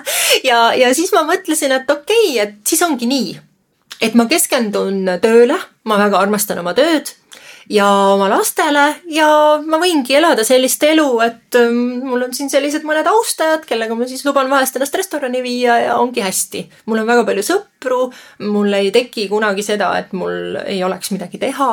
Äh, ma olen, muide lisan ka, et ma olen oma sõpradele nagu meeletult tänulik selle eest, et nad olid rasketel aegadel minu jaoks olemas, et sõbrad on minu elus väga suurt rolli mänginud ja jah, ja kui ma olin otsustanud selle, et ma nüüd siis nagu keskendun tööle ja las see armastus nagu jääb mõneks ajaks sinna kuhugi mm,. siis tuli üks äh, härra, kes kutsus mu lõunale. ja kui ma seal lõunal istusin ja lõunalt koju läksin siis ma tundsin seda tunnet, et tema on nüüd see, kellega äkki võiks proovida vaat kui huvitavalt see nagu toimub, et äh, alati siis, kui inimene otsib, on ju mm, -hmm. ei leia ja kui toimub see lahti vabaks las-, laskmine, eks, lahti laskmine ja siis tuleb. nagu raamatust no.. ja see ei ole ainult inimeste puhul, see on üldse ka, üldse võimaluste tegemiste ja võimaluste puhul, et ja. kui sa lased lahti ja siis juhtub, kui sa kramplikult hoiad kinni ja üritad seda justkui nagu välja pigistada või tekitada, forsseerida kuidagi, siis see lihtsalt ei, ei tee lihtsalt koostööd. ei tee jah. Ja ma mäletan ka, et mõni, mõni noh, selle sõbranna ütles, et kuule, et noh kuule, et küll tuleb, on ju, et võid näha, et aasta pärast oled sina niimoodi, on ju, ma mõtlesin, et ah jaa, jaa, et ma isegi noh, ma, ma nagu pingsalt ei otsinud, eks ikka südames loodad, sest ma olen alati olnud ikkagi pigem selle mõtlemisega, et inimene on loodud paaris suhtesse. romantik ikkagi. ja, ja koos on parem koos on alati parem, et, et aga jah, et nii kui ma nagu olin nagu ah, las ta siis jääda, siis see juhtus ja huvitav on jälle, mis mul, äh, mis mul nagu kohe kuidagi haakus, et see, just, et see tunne, eks ju, et sa ei pea inimest üldse pikalt tundma, kui miski nagu sisimas äh, mingi tunne, hääl, mis on lihtsalt, seda ei saa millegagi sassi ajada. mis nagu näitab, et vot see on see õige inimene, eks ju. jah, aga ma, ma ütlen, et ma ikkagi, äh, ma olen nagu õnnelik selle üle, et ma eelnevalt filtreerisin et, et oleksin võinud ka varem kindlasti mõnda tõsisemasse suhtesse astuda, aga täna tagantjärele vaadates ei olnud need ikkagi päris minu inimesed. et, et suured asjad, suurtes asjades peab valitsema üksmeel. et pisikesed asjad niikuinii, noh, mida vanem sa oled, seda keerulisem on tegelikult endale siis sellist äh, sobivat partnerit leida, sest me oleme kõik suured isiksused, on ju et aga, aga kui suurtes asjades on hästi, siis küll nende väikeste asjadega hakkama saab tegelikult küll. võib-olla, võib-olla mõtlesingi, et võib-olla põgusalt äh, meie kuulajatele räägiks, räägiksid, et miks, mis on need sinu jaoks need suured asjad hmm.? et mis on suured asjad ja mis nagu liigitub väikeste asjade alla, et no suured asjad on äh, noh, kindlasti sellised mm, noh, põhjapanevad, on ju, et kus me elada tahame, linnas, maal eks. kui üks on ikkagi inimene, kes tahab siin äh, Radissoni kõrval korteris elada ja teine ihkab metsa, siis ma kahtlustan, et see ei toimi eks, et üks peab nagu tegema väga suure järeleandmisi. Äh, no mis minu jaoks isiklikult väga-väga tähtis ja oluline on mm, ausus, äh, lojaalsus, truudus. et minu jaoks ei eksisteeri mm, noh, minu jaoks ei eksisteeri seda, kui suhtesse tuleb keegi kolmas see ei sobi. Et äh, mõnele on see võib-olla okei okay, hmm. palun, aga minule mitte, seega ka minu partneril peaks olema sama mõtteviis. Äh,. nii, mis meil siis veel on, noh, suures plaanis võiks ju olla ka ühine vaade noh, lastekasvatuse osas et kui üks tahab peksta, siis teine ei taha, siis täpselt, just, et kui mina ei luba vitsa anda, siis ei anna vitsa, eks ju. et, et seal, seal on mul ka üsna kindlad põhimõtted, et mida, mis on lubatud ja mis ei ole, eks ole. Ehm, no mis siis veel, no võib-olla mingisugused ka sellised maisemad äh, finantsteemad, eks, et äh, noh, kelle jaoks on äh, okei okay maksta, ma ei tea, diivani eest kakskümmend tuhat, kelle jaoks kaks tuhat, eks ju, et need asjad peavad võib-olla enam-vähem olema äh, noh, sarnases mõtteviisis, sest muidu on see, et noh, ma ei tea, mina tahan Viie Tärni hotellis äh, Abu Dhabis puhata, teine inimene tahab kogu aeg telgiga metsas käia, eks on ju, et noh, siis on see, et no okei okay,, et esiteks meil on, meil on selleks finantse üldse ja, ja, ja okei okay,, ma võin sinna telgiga metsa ka minna, kui ma noh, paari kuu pärast sinna Abu Dhabisse lähen, on ju. et aga just, et kui tema ikkagi üldse noh, ei saa võimaldada seda endale või ta ei tahagi seda et noh, ütleme, et partner suhtes võiks olla jah, selline, et, ähm, et ähm, enam-vähem võiks olla inimesed sarnased sellistes mõttelaadis või, või äh, väärtushinnangud võiksid ka olla sarnased. et, et siis need ülejäänud teemad on nagu noh, lihtne, et äh, ja noh, täna ma oma partneriga näen, et me mõttelaadilt oleme nagu väga sarnased ja et seal on nagu hästi olid suured asjad mm. -hmm. jaa, ei super, sest no väga palju, ma arvan, on neid kuulajaid, kes nagu kuulavad, palju haakub nendega, nad on nõus, aga siis ikka on peas see küsimus, et aga mis need suured asjad siis on ja mis need väiksed mm -hmm. asjad on ja et jah, et väga hea, et sa selgitasid. tegelikult on niisugused basic asjad ja oluline on kindlasti ju alguses rääkida kõigest, et mina võtsin kohe selle otsuse, et ütlesin oma, oma kaasale ka, et äh, ma olen sinuga täiesti aus et arvestas sellega, et mida sa näed, selle sa saad et äh, ma ei hakka sulle siin midagi varjama, ilustama, proovima olla, algul inimesed tahavad ju olla hästi äh, tublid, on ju, ja kenad ja viisakad ja kõik ja siis, kui läheb nagu juba mõnda aega ollakse suhtes, siis see läheb kõik käest ära, on ju. et aga, aga milleks? Ole kohe see, kes sa oled, kohe säästame meid mõlemaid nagu suurest vaevast, ajast, kõik on ju. et muidu sa oled selles mingis teeseldud suhtes või mingis vormis, sul on mingi mask ees, ma noh, öeldakse ju, et armunud ollakse umbes üheksa kuni äh, kaksteist kuud vist on ju. et sellel ajal oled sa natuke pimestatud ka selle inimese olemusest on ju ja siis noh, sa oled ära selles ja siis avastad, et ahaa, jama on ju, et ei ole nagu päris nii et ole kohe aus ja, ja räägi, mida sina tahad, tunned, millised on sinu ootused, kuula teist inimest ja noh, minu arust on see nagu suht lihtne, et siis. ma olen nagu nõus, põhimõtteliselt võib siis äh, paberile Wordis välja printida endale mingid siuksed punktid, vaata kavapunktid, et ja see ettekande kohe, et saad kokku siis nii, et äh, siin on siis leping sihuke, need on minu asjad, milles mina ka nõus olen ja kui see nõus ei ole, siis ma lähen kohe minema. ja ma räägin siia naljaka väikse juurde, et näiteks mina panin isegi Tinderis panin nagu mis on minu ootused umbes, on ju, mehele. ja noh, kui sa tahad teada, milline mina olen, palun küsi, on ju. ja, ja siis üks tüüp küsis nagu väga otse, et oot-oot, kas keegi su nõudmistele vastab ka või? siis ma ütlesin, et ma usun küll. ja noh, ma ei ütleks, et need on nõudmised, kui ma soovin, et mu abikaasa oleks mulle truu siis, siis ma ei leia, et see on nõudmine mm, -hmm. see on minu tõekspidamine. kui ma soovin, et mu peika ei suitsetaks, see on minu jaoks väga tähtis, eks ju. ma võin valida inimese, kes ei suitseta, on ju. et noh, need on, on noh, või, või näiteks käisin kohtingul ühe mehega, kes ütleb mulle, et noh, küsisin, et noh, mis sa siis teed vabal ajal, siis ta ütleb mulle, et oi noh, ma ei tea, aga suurt ei tee midagi, on ju. siis ma mõtlesin, et ahah, et noh, et mis siis sina teed. ma mõtlesin, no ma ei tea, et noh, mulle näiteks väga meeldib looduses jalutada, on ju, et see noh mul tuleb väga suur energia, kui ma saan korraks metsas ära käia äh, jalutamas ja, ja siis ta ütleb mulle, et metsa jalutama, et ei tea, mingi mõttetu tegevus. mul oli kohe nagu mm -hmm. ei. no mis ma teen sellise inimesega, kes minuga isegi metsa jalutama ei tule nagu päeva lõpuks ju. ei noh, ei tee ju. see on minu jaoks, minu jaoks on see nii oluline osa, mulle meeldib õhtuti võtta, lähme käsikäes jalutame, on ju. saame arutada kõike mõnusalt, rahulikult, on ju ja, ja täna on mul selline kaaslane, kes vastas kõikidele mu nõudmistele vot, nii et võimalik, kõik on võimalik. on. võtaks äh, kohe siit järje üle, läheks sujuvalt praegu ähm, äh, sihuke nagu mindset'i peale ka, mis me Martiniga ise vaatasime, neid küsimusi mõtlesime, siis see oli küsimus, mis meid täna tegelikult ennast paelub ja, ja on ka varem paelunud ja kindlasti meie kuulajad tahavad teada saada, sellepärast et väga paljudel meie saates käinud külalistel me seda küsime.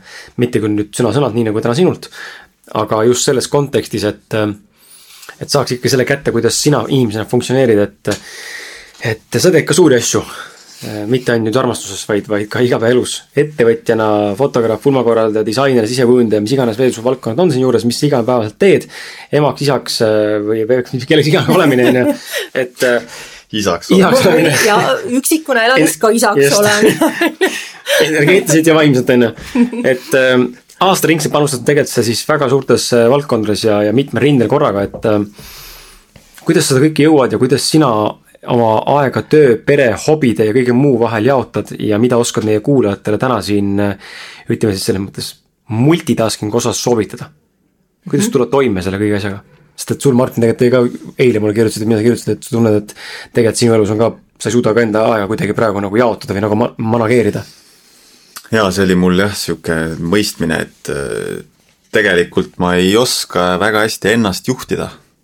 et jube lihtne on vajuda kõrvale, ma ei tea, kas siis sotsiaalmeedias seal midagi scroll ima või lähen Youtube'i kindla eesmärgiga vaadata mingit harivat videot ja siis juba avastan, et mingit teist videot vaatama. kantsivad kassid näiteks hästi palju on nagu jah, niisugust kuidagi, ei ole nagu seda, et davai, nüüd teen selle ära tehtud, teen selle ära, tehtud, neli tundi tehtud, okei okay,, nüüd anname endale pausi, on ju, et avastasingi, et vau, et, et äh, vajan abi, jah nii et aita palun siis ei, mina vist ei saa aidata, aga no ma võin rääkida, kuidas mina teen oma, oma, oma asju. et noh, mina jah, mõnikord ka inimesed imestavad, et oi, et sa tegeled siin, ma ei tea, nelja-viie erineva valdkonnaga. noh, tegelikult on nad ju kõik omavahel seotud, kõik nad on loominguline tegevus ja, ja, ja, või kunstiline tegevus, eks ole. et noh, minul on jaotunud siis tänaseks hetkeks nii, et ähm, kõige suurema osa minu tööelust äh, võtab siis pulmade korraldamine ja ka muud ähm, sündmused sinna juurde on nüüd hakanud lisanduma äh, sellest siis järgmine sektor on ilmselt tööalaselt fotograafia ja, ja siis natukene on juurde seda sisekujundust ja, ja graafilist disaini, et sisekujundust on võib-olla nagu kõige vähem. et, et sellega on jah, siuksed huvitavad lood, et kooli, koolis, kui ma EKA-s õppisin, ma ei mõelnud üldse, et ma tahaks sisekujundajaks saada et ähm, aga kummalisel kombel tulid pärast õpinguid või juba õpingu ajal vist minuni paar projekti ja, ja ma mõtlesin, et noh, miks siis mitte, et äh, prooviks et äh, need olid võib-olla ka siuksed osalised, et ei olnud äh, täislahendused. et oli, oli nagu lihtsam ja julgem proovida ja, ja jah, ja nüüd ma siis neid nii palju teen, kui see ise minu juurde tuleb. et ega ma ei reklaami ega otsi kusagilt ega kandideeri. et, et lasen, lasen tulla ja vaatan, kui tuleb, et siis kas ma seda tahan teha. ehk siis võib-olla kõige suurem mm, moto või siis äh, mingi selline mõte, millest ma lähtun, on see, et ma valin, mida ma teha tahan et ja tegutsedes nagu natuke erinevatel aladel on mul võimalus valida. et kui ma oleksin nüüd ainult fotograaf, eh, siis ma ju noh, Eesti turu väiksuse tõttu ja kui palju meil on fotograafe, ma võib-olla peaksin eh, võtma vastu erinevaid töid et aga noh, ma näiteks tunnen, et ma väga võib-olla ei taha öösiti kuskil mingeid pidusid pildistada, eks. et on ka seda tehtud, aga see ei ole päris minu teema. ja ma saan valida, ma saan keelduda. Äh, ja sama on ju ka pulmakorralduses, et kui ma näen, et see ei ole minu baar või et ähm, noh, see töötasu ei vasta minu soovidele ja oskustele, siis ma keeldun. et jah, et mul on võimalus keelduda ja valida et see on nagu kõige võib-olla parem. oskus öelda ei, mitte kõigele jaa. oskus öelda ei on väga oluline oskus, jah, olen nõus sinuga.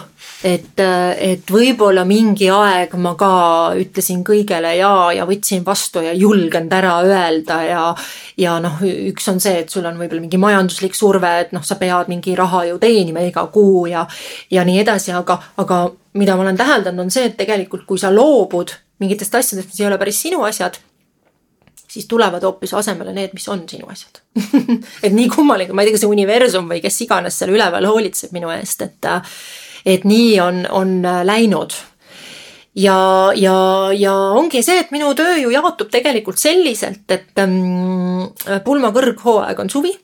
suvel ma praktiliselt muid asju ei tee, pildistan vahest, sest ma ei ole suutnud sellest loobuda, mul on olemas ju professionaalne tehnika ja, ja ikkagi noh minna selle perega sinna kuhugi mere äärde ja teha neid õnnelikuks pärast nende piltidega on ka väga niisugune rewarding, mis see eestikeelne sõna on Ta? tasuv. tasuv, jah, tasuv on niisugune natuke imelik sõna. aga jah, et, et see annab nii palju tagasi tegelikult. et ja noh, mulle väga meeldivad, see on kummaline, et ma seda ütlen, sest kümme aastat tagasi mulle ei meeldinud, mulle väga meeldivad väiksed lapsed et äh, kui nad nii nunnud on nad lihtsalt, et kui sa neid seal pildistad ja emmed kallistab ja siis see kõik on nii armas tegelikult, et ma vahest naeran, et ma olen see nunnu fotograaf, et mulle meeldib, kui kõik kallistavad ja musitavad ja teevad mingeid asju, et et siis on nagu fotosessioon korda läinud. et jah, et suvel ma keskendun pulmadele mm, noh, loomulikult see protsess, korraldusprotsess on ju pikk, et ka praegu mul on äh, päris, päris äh, töine on graafik, aga, aga ma saan siia kõrvale teha ka talvel muid asju. et, et saangi teha kujundustöid ähm, ja, ja, ja pildistamisi on ju ka tegelikult talvel vähem, sest mina armastan pildistada õues loomuliku valgusega. ma ei ole väga selline stuudiofotograaf, olen seda muidugi palju teinud, aga hästi tunnen ennast ikka kuskil mere ääres või aasa peal, on ju et nii, nii ma jaotan nagu seda tööaega, et äh, ja ma suudan olla hästi fokusseeritud, et kui ma võtan ähm, ette ühe asja, siis ma teengi selle ühe asja hästi kiiresti ära. et vahest ma ise ka imestan, et oot-oot-oot, et kuidas ma nüüd selle nagu nii kiiresti ära tegin.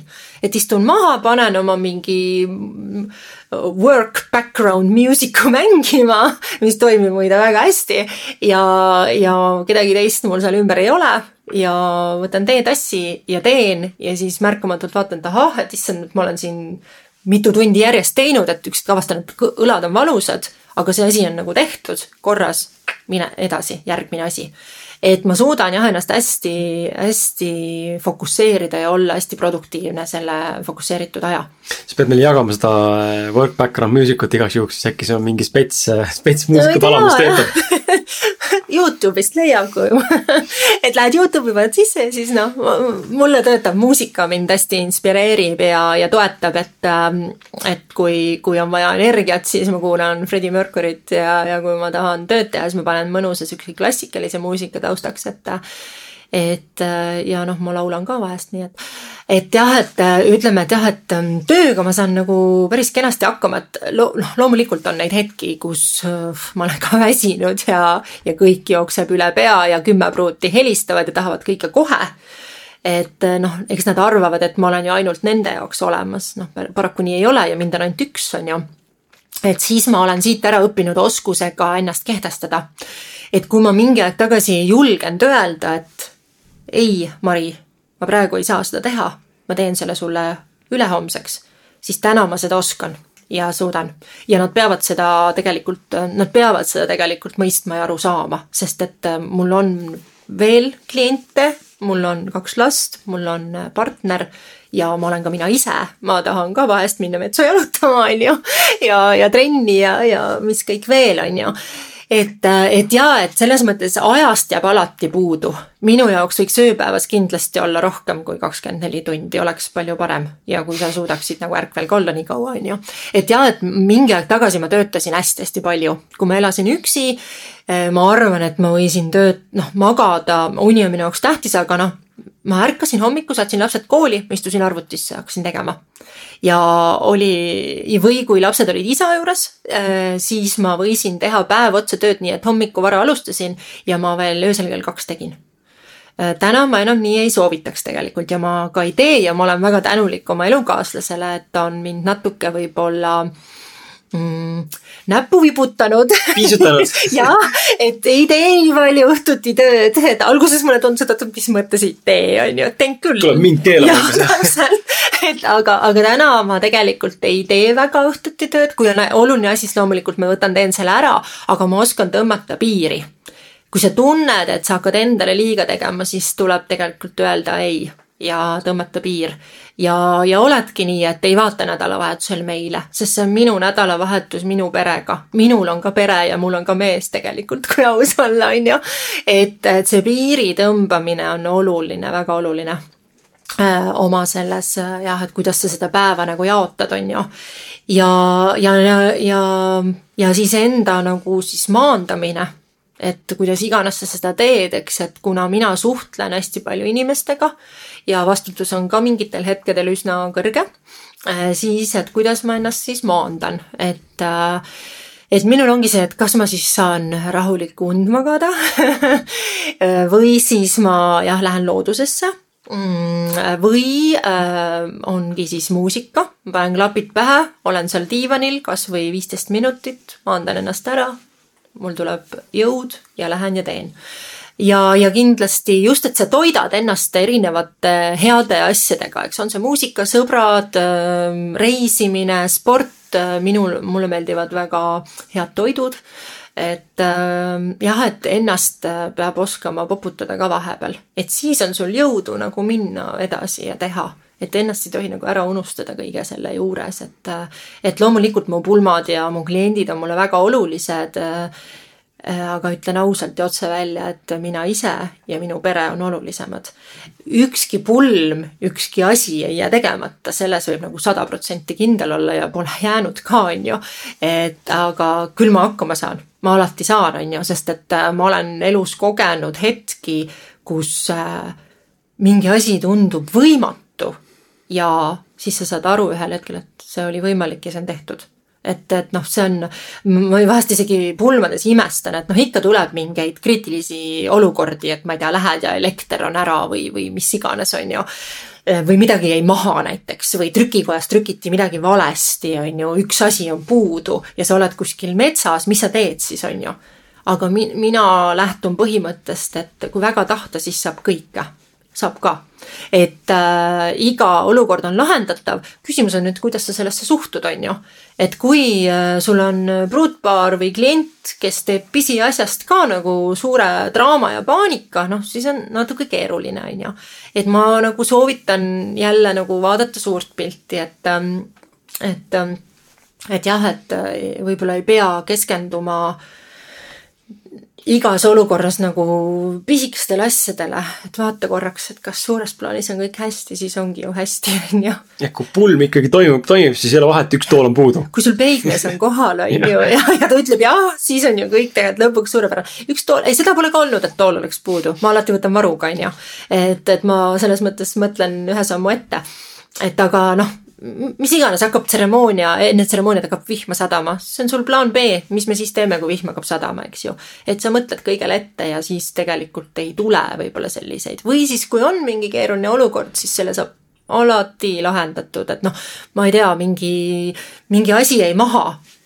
ma ei tea, töömehel, kes tõi neid mingeid toole, laudu, tal on autos olemas see niikuinii, on ju, noh, selles mõttes, et see mõni mõtleb kindlasti, et äh, mis tobe lause see on, aga usalda universumit, et viis aastat tagasi ma poleks ka uskunud seda lauset. aga täna ma täitsa usun, et usalda universumit, et see täitsa nagu kannab sind.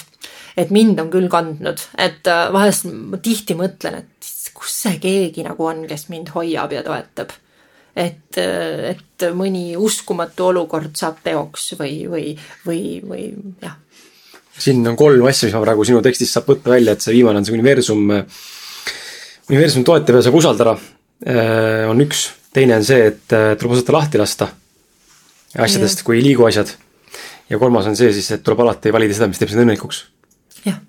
mulle meeldib millegipärast väga, ja need on väga tegelikult enda elus, ma näen ise sinu elus, ma arvan, et sa näed ka ja ma arvan, et sina ka armas kuulaja enda elus näed seda. Need on väga tugevalt tegelikult justkui ütleme, ühe käe sõrmed tegelikult see on nagu üks sama element, lihtsalt tal on erinevad küljed, lase lahti, usalda ja tee seda, mis sulle meeldib ja võib-olla tuleb midagi veel juurde lisada siia. ma ei mm. unista, visualiseeri võib-olla midagi veel ja tee, tee samme ja sul on tegelikult olemas valem, mille pealt elus edasi liikuda nii-öelda. jah, et, et jah, et kui sa nagu noh, mina võib-olla lähtun elus kahest suurest põhimõttest, mis hästi aitavad. üks on see, et ole lahke ja ole julge et äh, headuse ja sellise nagu hea sõnaga saavutab palju enam kui nõudmise ja õiendamisega, eks ju, et kui läkski midagi kellelgi valesti, noh, mul on ju palju koostööpartnereid, palju neid ähm, osapooli, kes pulmas mida, mingit rolli täidavad. et kui kellelgi, ma ei tea, catering mingi asja tegi valesti, no ma ei hakka tema kallal nagu õiendama või karjuma seal, mis see annab mulle mitte kellelegi ei anna see mitte midagi, on ju. et parem ma nagu mõtlen, et ahah, hästi, mis me nüüd teha saame, kuidas me siit edasi liigume ja, või millega me seda asendada saame, on ju. et ja teine, et, et ole julge, et et ega ma pole alati nii julge olnud, et nüüd ma olen tunduvalt julgem. et, et ole julge, seisa iseenda eest, kui vaja, seisa oma kliendi eest, kui vaja, ütle välja, kui vaja, aga noh, tee seda kenasti, on ju et need kaks põhimõtet on minu arust, minu jaoks vähemalt kõige olulisemad mm,. Nii. mul jäi kohe tegelikult su sealt jutu algusest jäi just kõrva seesamune enesejuhtimine, eks ju, et kui sa ütlesid, et sa suutsid teha näiteks hommikust ööseni põhimõtteliselt tööd, eks ju, järjest. Et oled sa nagu analüüsinud, et kas see on nagu sihuke mingi üleüldine kvaliteet äh, siis olnud, et ükskõik, mida sa teed, olgu, et see on võib-olla vastumeelne, ikka suudad teha või on see pigem see, et sa suudad neid tegevusi niimoodi teha, mis on siis nagu sa naudid seda protsessi? no ikka pigem nii vist jah, ja ega ma olen vahest laisk ka, ausalt tunnistan avalikult jälle on ju, et, et on ikka neid päevi ka, kus ma ei viitsi üldse mitte midagi teha, on ju. pean ennast sundima ja siis lähen ja avan selle arvuti, mida aegklubis on ju ja siis üldse ei taha ja siis mingi tunni aja pärast mõtlen, et ahah, et vaataks hoopis mingit, teeks mingit smuuti ja vaataks mingit filmi vahepeal ja vahest teen ka seda ja, aga siis mul kuidagi tuleb tagasi see soov ja tahtmine ja mind hästi inspireerivad inimesed, et kui ma äh, korra vaatan, avan meili, näen, et keegi on kirjutanud midagi, oh, kohe hakkab mõte tööle, kirjutan ruttu vastu, on ju, ja sealt võib voolata juba edasi, et mul läheb see laiskus läheb üle tihti ka, on ju. ja, ja no teine, et, et mul on ikkagi nagu kohusetunne väga suur. et kui ma pean tegema, siis ma noh, lõpuks ikkagi teen. mõnikord jälle tunnistan, ma nii palju tunnistan üles kõike siin. olen ka viimase hetkeni inimene, sihuke natuke nagu manjana. ühelt poolt ma olen uhke selle üle et ei pea olema niisugune tõmblev eestlane kogu aeg, on ju. et äh, aina rohkem ja kõrgemale ja, ja. kiiremini ja suuremalt. just, ja aga et noh, et võta nagu rahulikult, on ju, et, et noh, rohkem nagu need seal Vahemere ääres elavad, on ju, et, et naudi ja mõnusalt, on ju. aga, aga mul ei ole kunagi seda, et midagi jääks tegemata selleks hetkeks, kui on vaja nagu mhm. deliver dada, on ju. et ma ei saa seda endale lubada, kindlasti juba noh, Eesti on nii väike, on ju, ma ei saa seda, et ma ei, ma ei tule teie pulma või, või ma, ma ei tea, on ju, mis iganes see asi on ju. et kui vaja, ma teen selle ka viimasel õhtul ära, aga sa võid minu peale sada protsenti kindel olla. kui ma midagi luban, siis nii on. et see on nüüd ka nagu raudne reegel. et, et noh, et jah, et ma ei, ei, et kui see on selleks hetkeks oluline, siis see peab olema tehtud selleks hetkeks mm. -hmm huvitav jah, et ma mõtlen nüüd enda peale ka, et asjad, mis on kellelegi lubatud, on ju, et kas, kas mingid, noh, ma olen treener, eks ju, et kas personaalne treeningkava kellelegi või eks ju personaaltrennid või noh, kõik, kõik sellised asjad. seal on jah alati see, et see kohu-, kohustustunne nagu kuidagi utsitab tagant. aga just sellised tegevused, mis on mul ei ole kellegi ees kohustust, ma olen ise otsustanud, et okei okay,, ma tahan selles asjas või selles valdkonnas saada paremaks ja nüüd, kuidas siin ennast juhtida ja distsiplineerida, et samamoodi fokusseeritult teha, et näiteks minu jaoks isiklikult just see on raske mm. -hmm. no siin on, noh muidugi mul on ka terve rida neid asju, mis on nii-öelda tegemata, on ju, et ahah, et võiks selle postituse teha või see reklaam on kujundamata, noh, mis ma puud-, en-, minu enda persooni ja tööd puudutab, on ju. et äh, kogu aeg lükkan edasi ja et see on natuke keeruline tõesti, aga noh, siis on jälle see, et noh, osad asjad ongi siin elus olulisemad natukene, on ju. ja, ja võib-olla ka see, et kui ähm, noh, mis, mida ma üks päev nagu tabasin ennast mõttelt, on, on, et ähm, kui minul hakkab nagu igav, ma tunnen, et ah, ma teen oma tööd juba natuke sellise lõdva randmega ja, ja see ei paku mulle väga palju, siis ma mõtlen, et mida muuta. Ma pean midagi muutma, sest et kui mulle mu töö ei ole põnev siis ähm, ma kaotan huvi selle vastu, eks. ja ma pean tegema seda sundlusega, aga ma ei taha oma tööd teha sundlusega, on ju.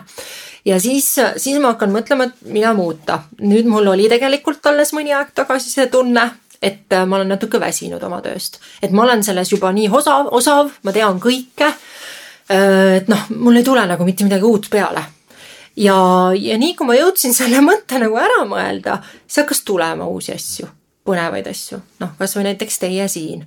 ma hakkasin astuma pisikesi samme ja teinekord piisab sellest ühest väiksest sammust, et su ellu tuleks midagi vahvat, suurt, uut, on ju.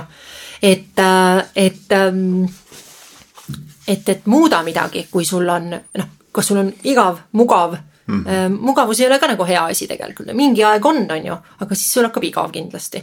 et äh, muuda, tunned, et on, mis sulle ei meeldi, siis muuda et äh, ükskõik, mis see siis on, et, et noh, mina, mina ju ka mõtlen, et kuidas oma tööd siis nagu teha nüüd äh, noh, huvitavamaks, et äh, noh, mul on siin erinevad mõtted, ma ei taha kõva häälega rääkidagi, teine, keegi teine teeb ära, on ju.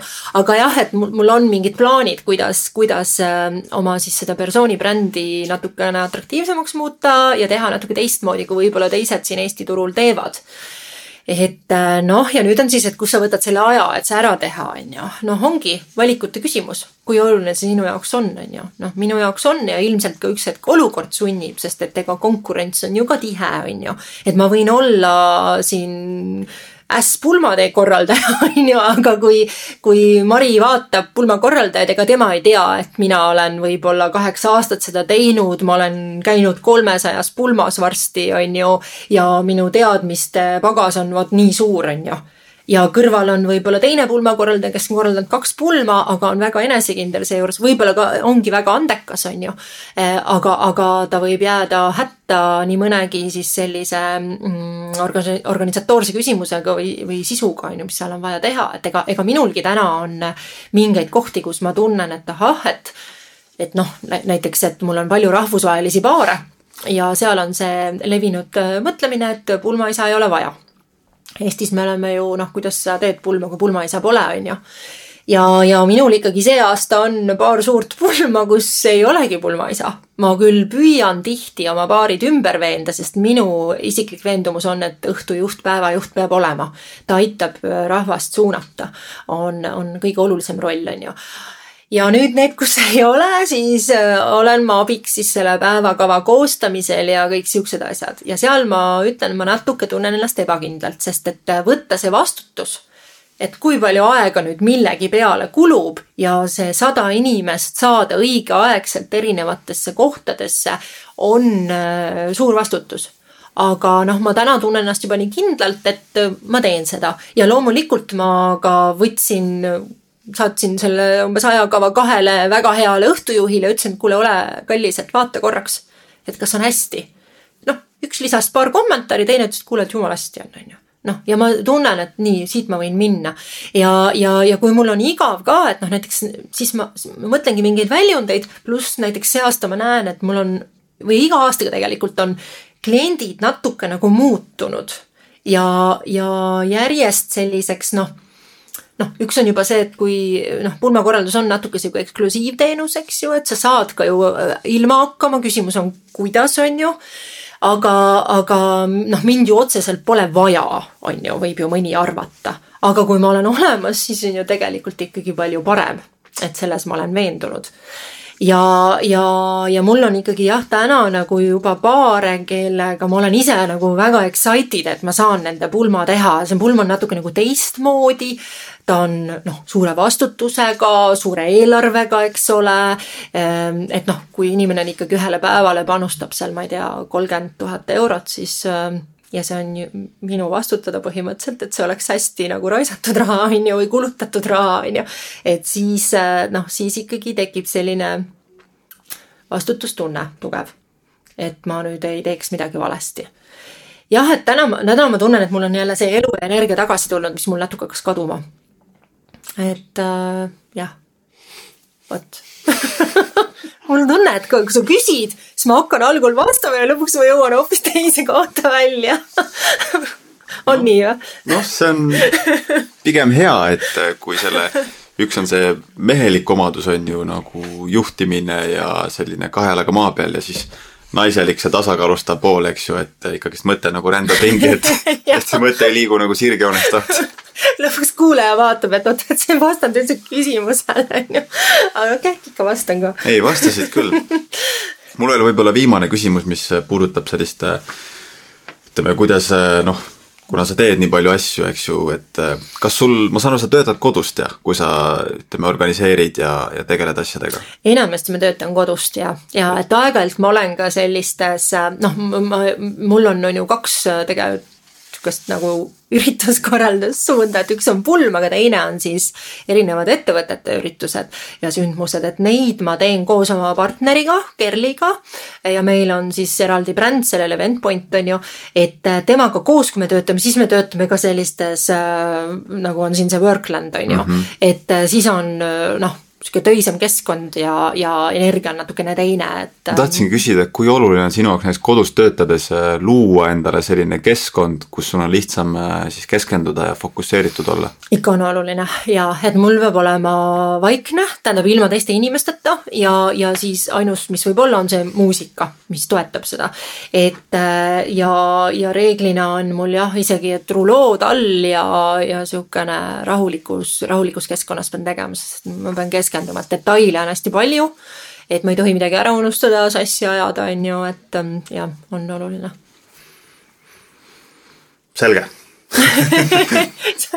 küsimus ja vastus jah, nüüd ma vastasin mul on äh, sulle minupoolne viimane küsimus, mitte me sellega saatepäeva lõpetame, siis ma ei oska eriti rohkem midagi küsida, ma praegu vaatan, sa küsimustikku vaadates, siis sa tegelikult oled päris palju vastanud juba, kas siis täielikult või osaliselt nende küsimuste olemas juba on siin aga mis mind huvitab, on see, et äh, minu meelest see on niisugune klassikaline küsimus mingil määral meie jaoks ja, ja meie kuulajate jaoks, ma arvan juba, aga taaskord jälle väga erinevas võtmes ja väga, väga erineva sõnastusega igas saates kõlab. aga point jääb samaks. et äh, kuidas ära tabada ja mõista, et see, mida, mida me täna teeme või mida sina täna teed, on see, mida sa peaksid terve elu äh, tegema. või oled sa pigem inimene sellise mentaliteediga, kes laseb asjadel kulgeda ja valmis igavesti jooksvalt muutuma. mis tähendab siis seda, et kas sa hoiad kramplikult kinni näiteks enda erialadest, et kui tuleb otsus või tuleb info, et sa peaksid justkui lõpetama näiteks a la pulma korraldamise, siis sa oled kramplikult hoiad kinni ja ei, mina ei, ei kavatse midagi muud, see, ei, see peab minuga surmani minema. või pigem on see, et sa oled nõus loobuma sellest täielikult lahti laskma. absoluutselt, et mina olen ikka selline inimene, kes uh, I go with the flow et äh, ma ju ei teadnud äh,, ma ei tea, kümme aastat tagasi, et ma hakkan pulmakorraldajaks. ja, ja ma alati mõtlen, et huvitav, et kui töövestlustel küsitakse, et kus sa näed ennast viie aasta pärast hmm., siis ma mõtlen, ahah, et see on kõige jaburam küsimus üldse. okei okay,, loomulikult sul peab mingi siht olema, aga elus juhtub nii palju põnevaid asju vahepeal nii palju põnevaid inimesi äh,. sa ei saa olla nagu klapid peas ühel teerajal muidu sa kõnnidki mööda seda igavat asfaltteed võib-olla terve elu, eks ju, kui astu korraks kõrvale, vaata, mis seal juhtub või toimub, on ju, tavaliselt juhtub seal palju rohkem, on ju.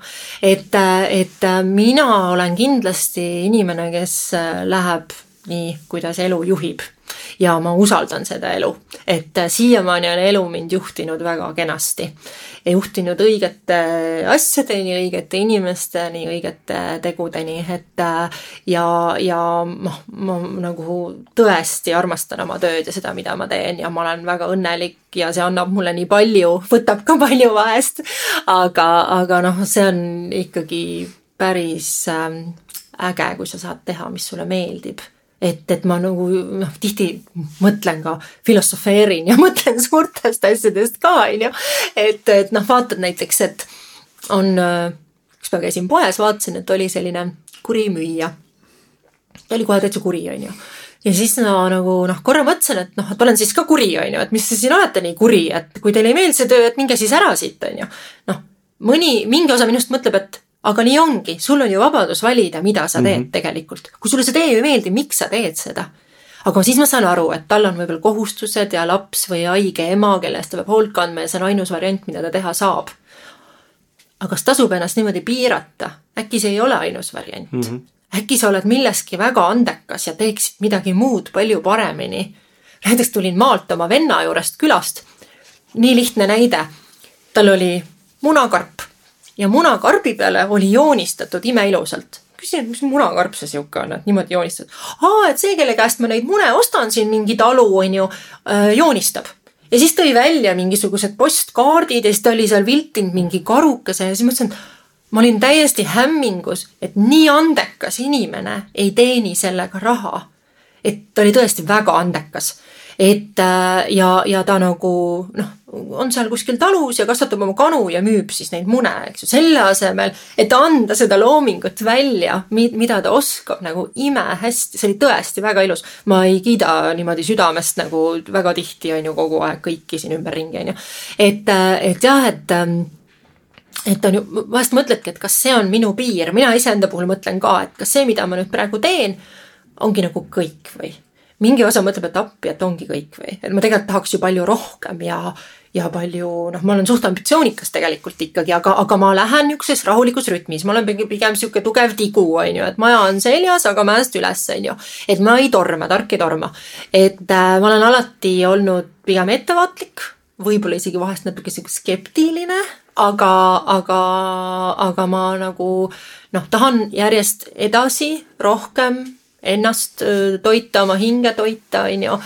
ja, ja, ja praegu ma nagu liigun sellel suunal, et minu noh, mul, mulle see te, meeldib, mis ma teen, aga ma olengi näiteks nüüd juurde võtnud, on ju, ma mainisin enne Kerlit, et, et me nüüd teeme ka neid ähm, firmasündmusi erinevaid, et see on natuke teine valdkond. kindlasti on ju kliente rohkem Äh, kliendid on, see on jätkusuutlikum, et kui pulm toimub inimesel loodetavasti ühe korra elus, on ju, äh, või kaks või kolm, äh, siis noh, firmaüritused olid iga aasta, eks, ja, ja seal ma tunnen ka, et ma saan väga palju anda. ja see on minu jaoks uus väljund, natuke nagu teine suund et, et võib-olla ma mingi hetk tahakski sellesse rohkem panustada. Ja jälle ma nagu mõnusalt lähen selle vooluga kaasa, eks et ega, ega Kerli ka tuli mu ellu niimoodi juhuslikult läbi mingi ühe inimese soovitati, aga me töötame koos super hästi, meil on hästi hea energia koos ja, ja, ja, ja ma näen, et meie kogemuste pagasiga me suudame teha väga kihvte asju. et küll see kõik võtab natuke aega tuleb kasvatada tasapisi, on ju. noh, või siis jah, mitte minule omaselt tuleks äkki peale minna, on ju, aga mina nagu usun, et kui sa niimoodi rahulikult samm-sammult, et noh, nagu minu, minu pulmakorraldus on ikkagi olnud, et alguses oli üks pulm, siis oli viis, siis oli kümme, nüüd on juba nagu hooaeg täiesti täis müüdud, eks ju, et sellel aastal ma rohkem, ma arvan, juurde ei mahu võtta, on ju. Et noh, küll nüüd, kui keegi ikkagi väga tahab, siis võib korra kirjutada, et kui tegemist on, noh, pole mingi kuuma kuupäevaga, siis võib. et jah, et, et elu on kandnud mind küll, et on olnud raskeid aegu, väga raskeid aegu äh,. Äh, ei hädalda, aga nendin fakti äh,. olen neist välja tulnud ja olen tulnud ikkagi välja võitjana ja palju tugevama inimesena ja ma arvan, et ka parema inimesena. Et äh, see isekas tüüp, kes ma võib-olla kahekümne viieselt või olin noh, täna ma ikkagi enam nii isekas ei ole. Et täna ma ikkagi proovin nagu olla, olla selline kannatlikum kindlasti, kannatlik tuleb olla minu töös ja üldse ilmselt ka lastekasvatuses ja ja ka partnersuhtes, eks ju, et sa kohe ei, ei, ei paugu välja, mis sa arvad ja mõtled, on ju, sest ma olen üsna emotsionaalne tüüp tegelikult, on ju, et ma võin tunduda selline rahulik blond, sihuke noh, armsa naeratusega, on ju. aga tegelikult ma võin olla ka päris sihuke äkiline. et aga, aga ma olen õppinud emotsioone juhtima et, et selle, see on jah, üks oluline oskus, mille ma olen juurde siin viimaste aastate jooksul saanud ja, ja eneseanalüüs on ka olnud päris tugev. Et jah, ma lasen elul ennast kanda ja vaatan, kuhu ta mind viib, et loomulikult mul on ka unistused ja mõtted, aga ma ei ole neist kinni, sest et kui see ei lähe nii, siis tuleb midagi muud, mis on veel parem mm. -hmm. väga ilus. on ju? olete nõus ju? täiega jah nii et vaatame, mis siis elul nagu tuua on, et ma arvan, et ähm, siiamaani on läinud aina paremini. nii et küll ta läheb edasi ka, et, äh, et ma ise vähemalt tunnen, et kui sa teed nagu, kui sa teed nagu südamega asju, siis, äh, siis äh, siis läheb ka hästi, et, et loomulikult on, on olnud nagu siukseid tagasilööke ka. pigem on need olnud väikesed vist isegi, aga nendesse ei tohi nii-öelda nagu kinni jääda mm, -hmm. eks, et, et, et eks meil kõigil on siin omad, omad rasked hetked, on ju. Aga tuleb keskenduda positiivsele ja, ja sellele, mida saab ja kuidas saab ja leida lahendused ja tegutseda, et, et noh, ma ise ennem, kui ma mõtlesin, et mis ma nüüd siin siis üldse räägin ja mida te küsite ja kõik, on ju, siis ma tabasin ennast sellelt healt mõttelt ka, et et kõige tähtsam, jällegi keegi on mulle seda öelnud, keegi tark inimene, ma nüüd ei mäleta täpselt, kes, aga et ähm, kui sulle miski ei sobi, midagi on halvasti, midagi tahad muuta, siis ainus, mis aitab, on tegutsemine. et kui sa istud ja ootad ja hädaldad, on ju, siis tegelikult ei saa ju mitte midagi muutuda, on ju. et sa võid ju noh, noh, aastaid rääkida kellelegi ja kurta, on ju, aga noh, selle, sellest ei muutu küll mitte midagi. reaalselt tuleb ette võtta ikka absoluutselt midagi. Mm -hmm. ja samm tuleb astuda. et, et noh, mina jah, võib-olla oma mingises nooruses nagu ootasin, et minu jaoks tehtakse, tehakse ja ja antakse, aga nüüd ma nagu olen õppinud rohkem äh, ise tegema ja ka võib-olla ise andma mm. -hmm mis sa soovitaksid äh, kahekümne aastasele iseendale, kui saaksid ajas tagasi minna ja oma praeguse versiooniga siis äh, kõnelda enda kahekümneaastase versiooniga? Noh, ma olen äh, kunagi käinud ühel rännakul, kus ma kõnelesin oma äh, enda viieaastase versiooniga. see oli muide väga huvitav ja väga tervendav ja väga, väga, väga imeline kohtumine oli see ja päris armas väike laps olin. et äh, aga kahekümne aastasele, ma mõtlen, kus ma olin kahekümne aastaselt, noh, mis ma siis soovitaksin? soovitaksin mitte liiga vara astuda tõsisesse suhtesse ikkagi nagu ma oma tütrele räägin ka ja ma ei tea, inimesed võivad mind hukka mõista või heaks kiita, aga see on minu, minu isiklik veendumus, on see, et ma ei, ma ei kahetse midagi, mis mu elus on olnud, eks ju, see kõik on mind toonud siia, kus ma täna olen, aga ku, noh, kui ajas tagasi kerida, siis ma jah, võib-olla keskenduksin esialgu ikkagi õpingutele, enesearengule, maailmas ringi reisimisele, mulle väga meeldib reisida, ma täna saan seda õnneks teha ka. Äh, aga ma, kui ma oleksin kahekümne aastane, ma kindlasti läheksin välismaale õppima, töötama, töötaksin kuskil baaris ettekandjana, kui vaja ja, ja näeksin maailma. et seda ma tahaks kindlasti oma kahekümne aastasele Egertale soovitada siis võib-olla see, et ei teeks väga suuri järeleandmisi mm, enda jaoks olulistes asjades. Mis minu hingele on tähtsad, need on tähtsad ja sa ei pea tegema järeleandmisi, sa ei pea meeldima kõigile. ei pea, absoluutselt ei pea. ja jälle keegi ütles mulle nii hästi, et äh, armastuse puudumisest on ju, sellest me ei rääkinud muide, aga, aga noh, meil kõigil on ilmselt olnud elus neid hetki, kus ähm, ei ole seda nii palju, kui me tahaksime. et ähm,, et kui sa ühest kohast ei saa armastust, siis tegelikult saad sa selle kuskilt mujalt kui sa lased selle ühe koha nagu lahti, on ju, et, et noh, on see, ma ei tea, et sa ei saanud ema armastust või isa armastust või mis iganes, on ju. et siis äh, tuleb su ellu keegi, kes äh, seda sulle annab, on ju. aga noh, eelkõige muidugi enne pead sa õppima nagu ennast armastama, on ju et jah, et, et, et eneseväärtustamine on kindlasti, et ära nagu ennast kuidagi tahaplaanile sea, ära ennast ära unusta, ära ennast unarusse jätta, ma pean seda endale täna ka muide ütlema sellele noh, kolmkümmend pluss vanusele, et, et ära ennast ära unusta, sest hästi lihtne on minna tööga kaasa, lastega kaasa, kogu selle vooluga, eks ju. tänapäeva sotsiaalmaailmas, sotsiaalmeedia maailmas on ju nii lihtne kaduda sinna kuhugi, vaadata, kui hästi kõigil on, on ju, minul ei ole, on ju. Lähed ja, ja sa oledki selle kiirrongi peal, on ju aga siis stopp, oota, mis mul hästi on, ärkad hommik ülesse, täna ma olen tänulik selle, selle, selle eest, on ju.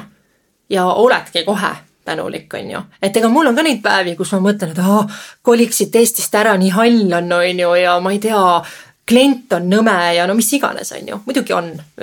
ma ei, ma ei valetagi, et mu elu on üks äh, lillesadu ainult, on ju. et, äh, et aga oluline on see, et millele sa ennast fokusseerid, on ju, et jah, et äh, sellele kahekümne aastasele jah. mõtle, tegutse, proovi, ole uudishimulik, ole julge ja, ja, ja sea nagu ennast tähtsale kohale et äh, mina ei ole seda võib-olla kunagi siis ei osanud päris hästi teha. et nüüd juba natukene oskan jah. kuld. enne kui me täitsa siit äh, stuudio nuppu vajutame ja saate mm. kinni paneme, ära kustutame mis on mul juhtunud ühe korra, ma ei tea välja, Urmase saate ka kaotasin ära. aa jaa, ma mäletan aga, aga mul on sulle üks äh, kingitus ka. tähendab meil oskad sa, oskad sa vastu võtta ka kingitusi, kui sul tekib sihuke tunne, et appi ma ei taha? mulle väga meeldivad kingitused nii et äh, tooge kõik kingitused, mis teil on kingitusi on muide väga, väga tore teha ka, mulle väga meeldib teha ka kingitusi. täiega mm. -hmm. No, viimase, nii viimase tore on, annad ja siis näed. täiega tahad teha, täiega tahaks anda lihtsalt kogu aeg. aga meil on sulle kingitus ja, korra võtan selle siia. esimene kingitus on meil sulle anda seesama siit, sihuke väike, väike, väike märkmik on Grant Cardoni oma, mis on siis miljonäri taskuraamat, kuidas saada ülirikkaks. ja see pärineb meie enda koostööpartnerilt Million Mindsetilt, kirjastuselt, kellega meil on ka täna siis äh, koostöö siin podcast'i raames. ahah, no väga tore. ja samuti on äh. nende repertuaarist sulle anda ka selline raamat nagu Miljonäri mõtteviisi saladused. mis see, kes, mis ta on, Toomas, mis nimi on äh...? ma ei tea eesnime tead sa, ma ei mäletagi enam. Ma olen selle raamatu kaksteist korda läbi lugenud, aga ma ei mäleta kas sa oled siis juba kahe kord, kaheteistkümnekordne miljonär ka? ei ole. ei ole veel, jah. aga ma olin, ma olin vist kaheksateist, kui ma seda raamatut lugema hakkasin. ja raamatu lõpus ta ütleb, et äh, nüüd loe see raamat iga kuu kaanest kaaneni läbi ja nii aasta otsa järjest ja ma tegin ka nii aga no ma arvan, see miljon tuleb siis varsti kuskilt noh, enam ka kindel selles. kas, kas tingimata miljoneid vaja on, aga küllus, selles ma olen veendunud, et see tuleb. see on sulle ja siis on meil ka sulle Teil on nii palju asju. sihuke plaadikene anda, hea, et sa muusikat mainisid, sa mainisid džässi on ju? jaa, see meeldib mulle ka ja. kas Helin-Mari Aarder ütleb midagi sulle? ütleb, jaa. on džässimuusika? on, on vist sinna kanti. jaa, jaa, sihuke mõnus rahulik. hakkasin mõtlema, kas on või ei ole mm. -hmm. plaat nimega Sinine, ma ei tea, kas sul on või ei ole. tema muusikaplaat siis. sinine muide üks mu lemmikvärve, nii et see on, äh, meil on sihuke tore, meil on sihuke, mul on sihuke tore mentor, kes äh, toetab aeg-ajalt äh, mitte ainult mind ja meie ettevõtmist siin, vaid ka teisi inimesi enda ümber. ja, ja tema siis sokutas mulle hunnik plaate kätte, et neid ära jagada, sest et ta on lihtsalt üle kuule, aga väga tore, siis ma saan selle kohe autos panna mängima ja mõnusalt siin, ma ei tea, mis see kell on, et Tallinna liiklusesse sukelduda, ma väga tänan, väga ilus. nii et see meiepoolne, meiepoolne ja meie toetajaskonna poolne tänu, et sa üldse siin saates täna oled. no jaa, ma olen, olen, olen väga-väga tänulik jah. kus me sind leida võime viimasena? kus te mind leida võite, hästi lihtne ähm, väike, väike lõik siia lõppu, jälle pean tänama Kaupo Kikast suurepärane fotograaf äh, ja muusik muide ka. Äh, tema kunagi, kui ma hakkasin looma oma veebilehte, oma brändi, mõtlesin, no mis ma siis panen, eks ju, et noh, kõik suured mõtted käisid läbi. siis ta ütles mulle, et mida sa mõtled, Egerta? et vaata, milline su nimi on. sinu nimi ongi bränd ja ma ei tea, ma peaks talle vist ikkagi viima mingi šampuse selle eest, et ma nüüd vabandust toon, toon ära varsti. et, et jah, egerta.ee, väga lihtne, et sealt näeb mu tegemisi ja, ja, ja teine on see eventpoint.ee, et noh, läbi Egerta jõuab selleni ka, et, et seal on kõik näha.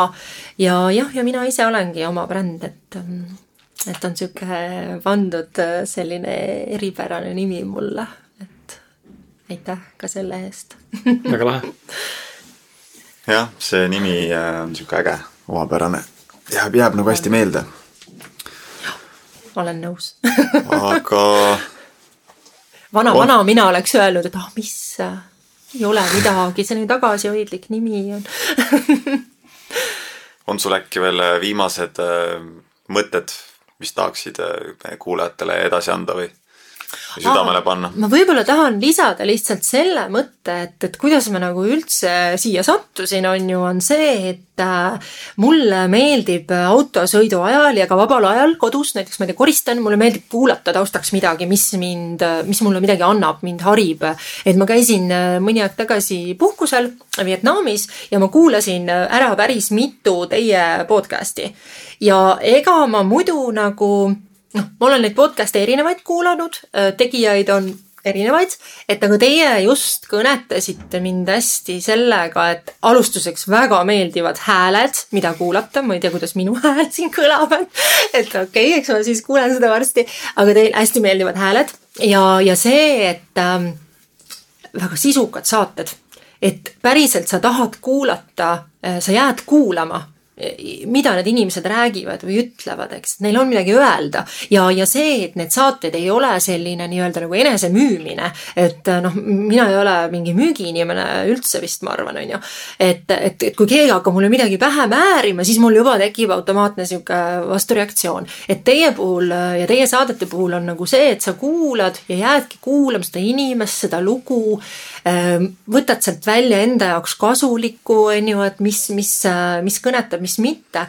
ja et, mind hästi nagu kõnetas see, mida teie teete, et ma nagu see ei ole praegu makstud reklaam siin selle plaadi eest, et, et, et päriselt, et mulle mulle väga-väga meeldib, mida te teete ja ma väga soovitan inimestel kuulata teie teisi saateid ka, kui nad nüüd satuvad minu oma kuulama ja ma loodan, et minu oma ei olnud nagu mingi igav, et noh, sihuke armastus ja pulmakorraldus, keda see ikka nagu paelub, on ju, aga tegelikult nagu armastus paelub kõiki, et ma, ma äh, usun siiralt, nagu sa alguses ütlesid mu tutvustuses ka, et armastus on kõige suurem tunne, mida tunda saab ja ilma armastuseta ma ei kujutaks ette elu. me kõik armastame kedagi või midagi Sari Mõrvar ka armastab kedagi või midagi, eks ju. Äh, tädi Mari metsas armastab ka oma kassi, koera, puid, linde. et armastus on nagu nii äh, tädi Mari, Mari Metsallik, kes metsas elab. täpselt, just, et armastus on ikkagi nagu kõige suurem ja kõige inspireerivam ja kõige täitvam tunne, mis olla saab. see teeb haiget ka vahest, muidugi teeb. Aga ma elu sees ei jätaks võtmata riski armastada, et isegi kui on võimalus haiget saada. et äh, seda jah, et, äh, et ikkagi soovitan inimestele, et nagu armastage ja ikkagi armastage nagu niimoodi, et ärge nagu kartke. jah. aitäh sulle. palun then I hit you on the block. Ain't a janitor, but I hit you with a mop. Better watch your friends, they quick to turn the odds. And that bitch nigga will play you for a thought. Ain't no, ain't no Star Wars, yeah, my shit go TikTok. Jumping in out the bendo like it's hopscotch. My nigga in the kitchen and he whipping in the pot. Watch me see him twirl, then he drop.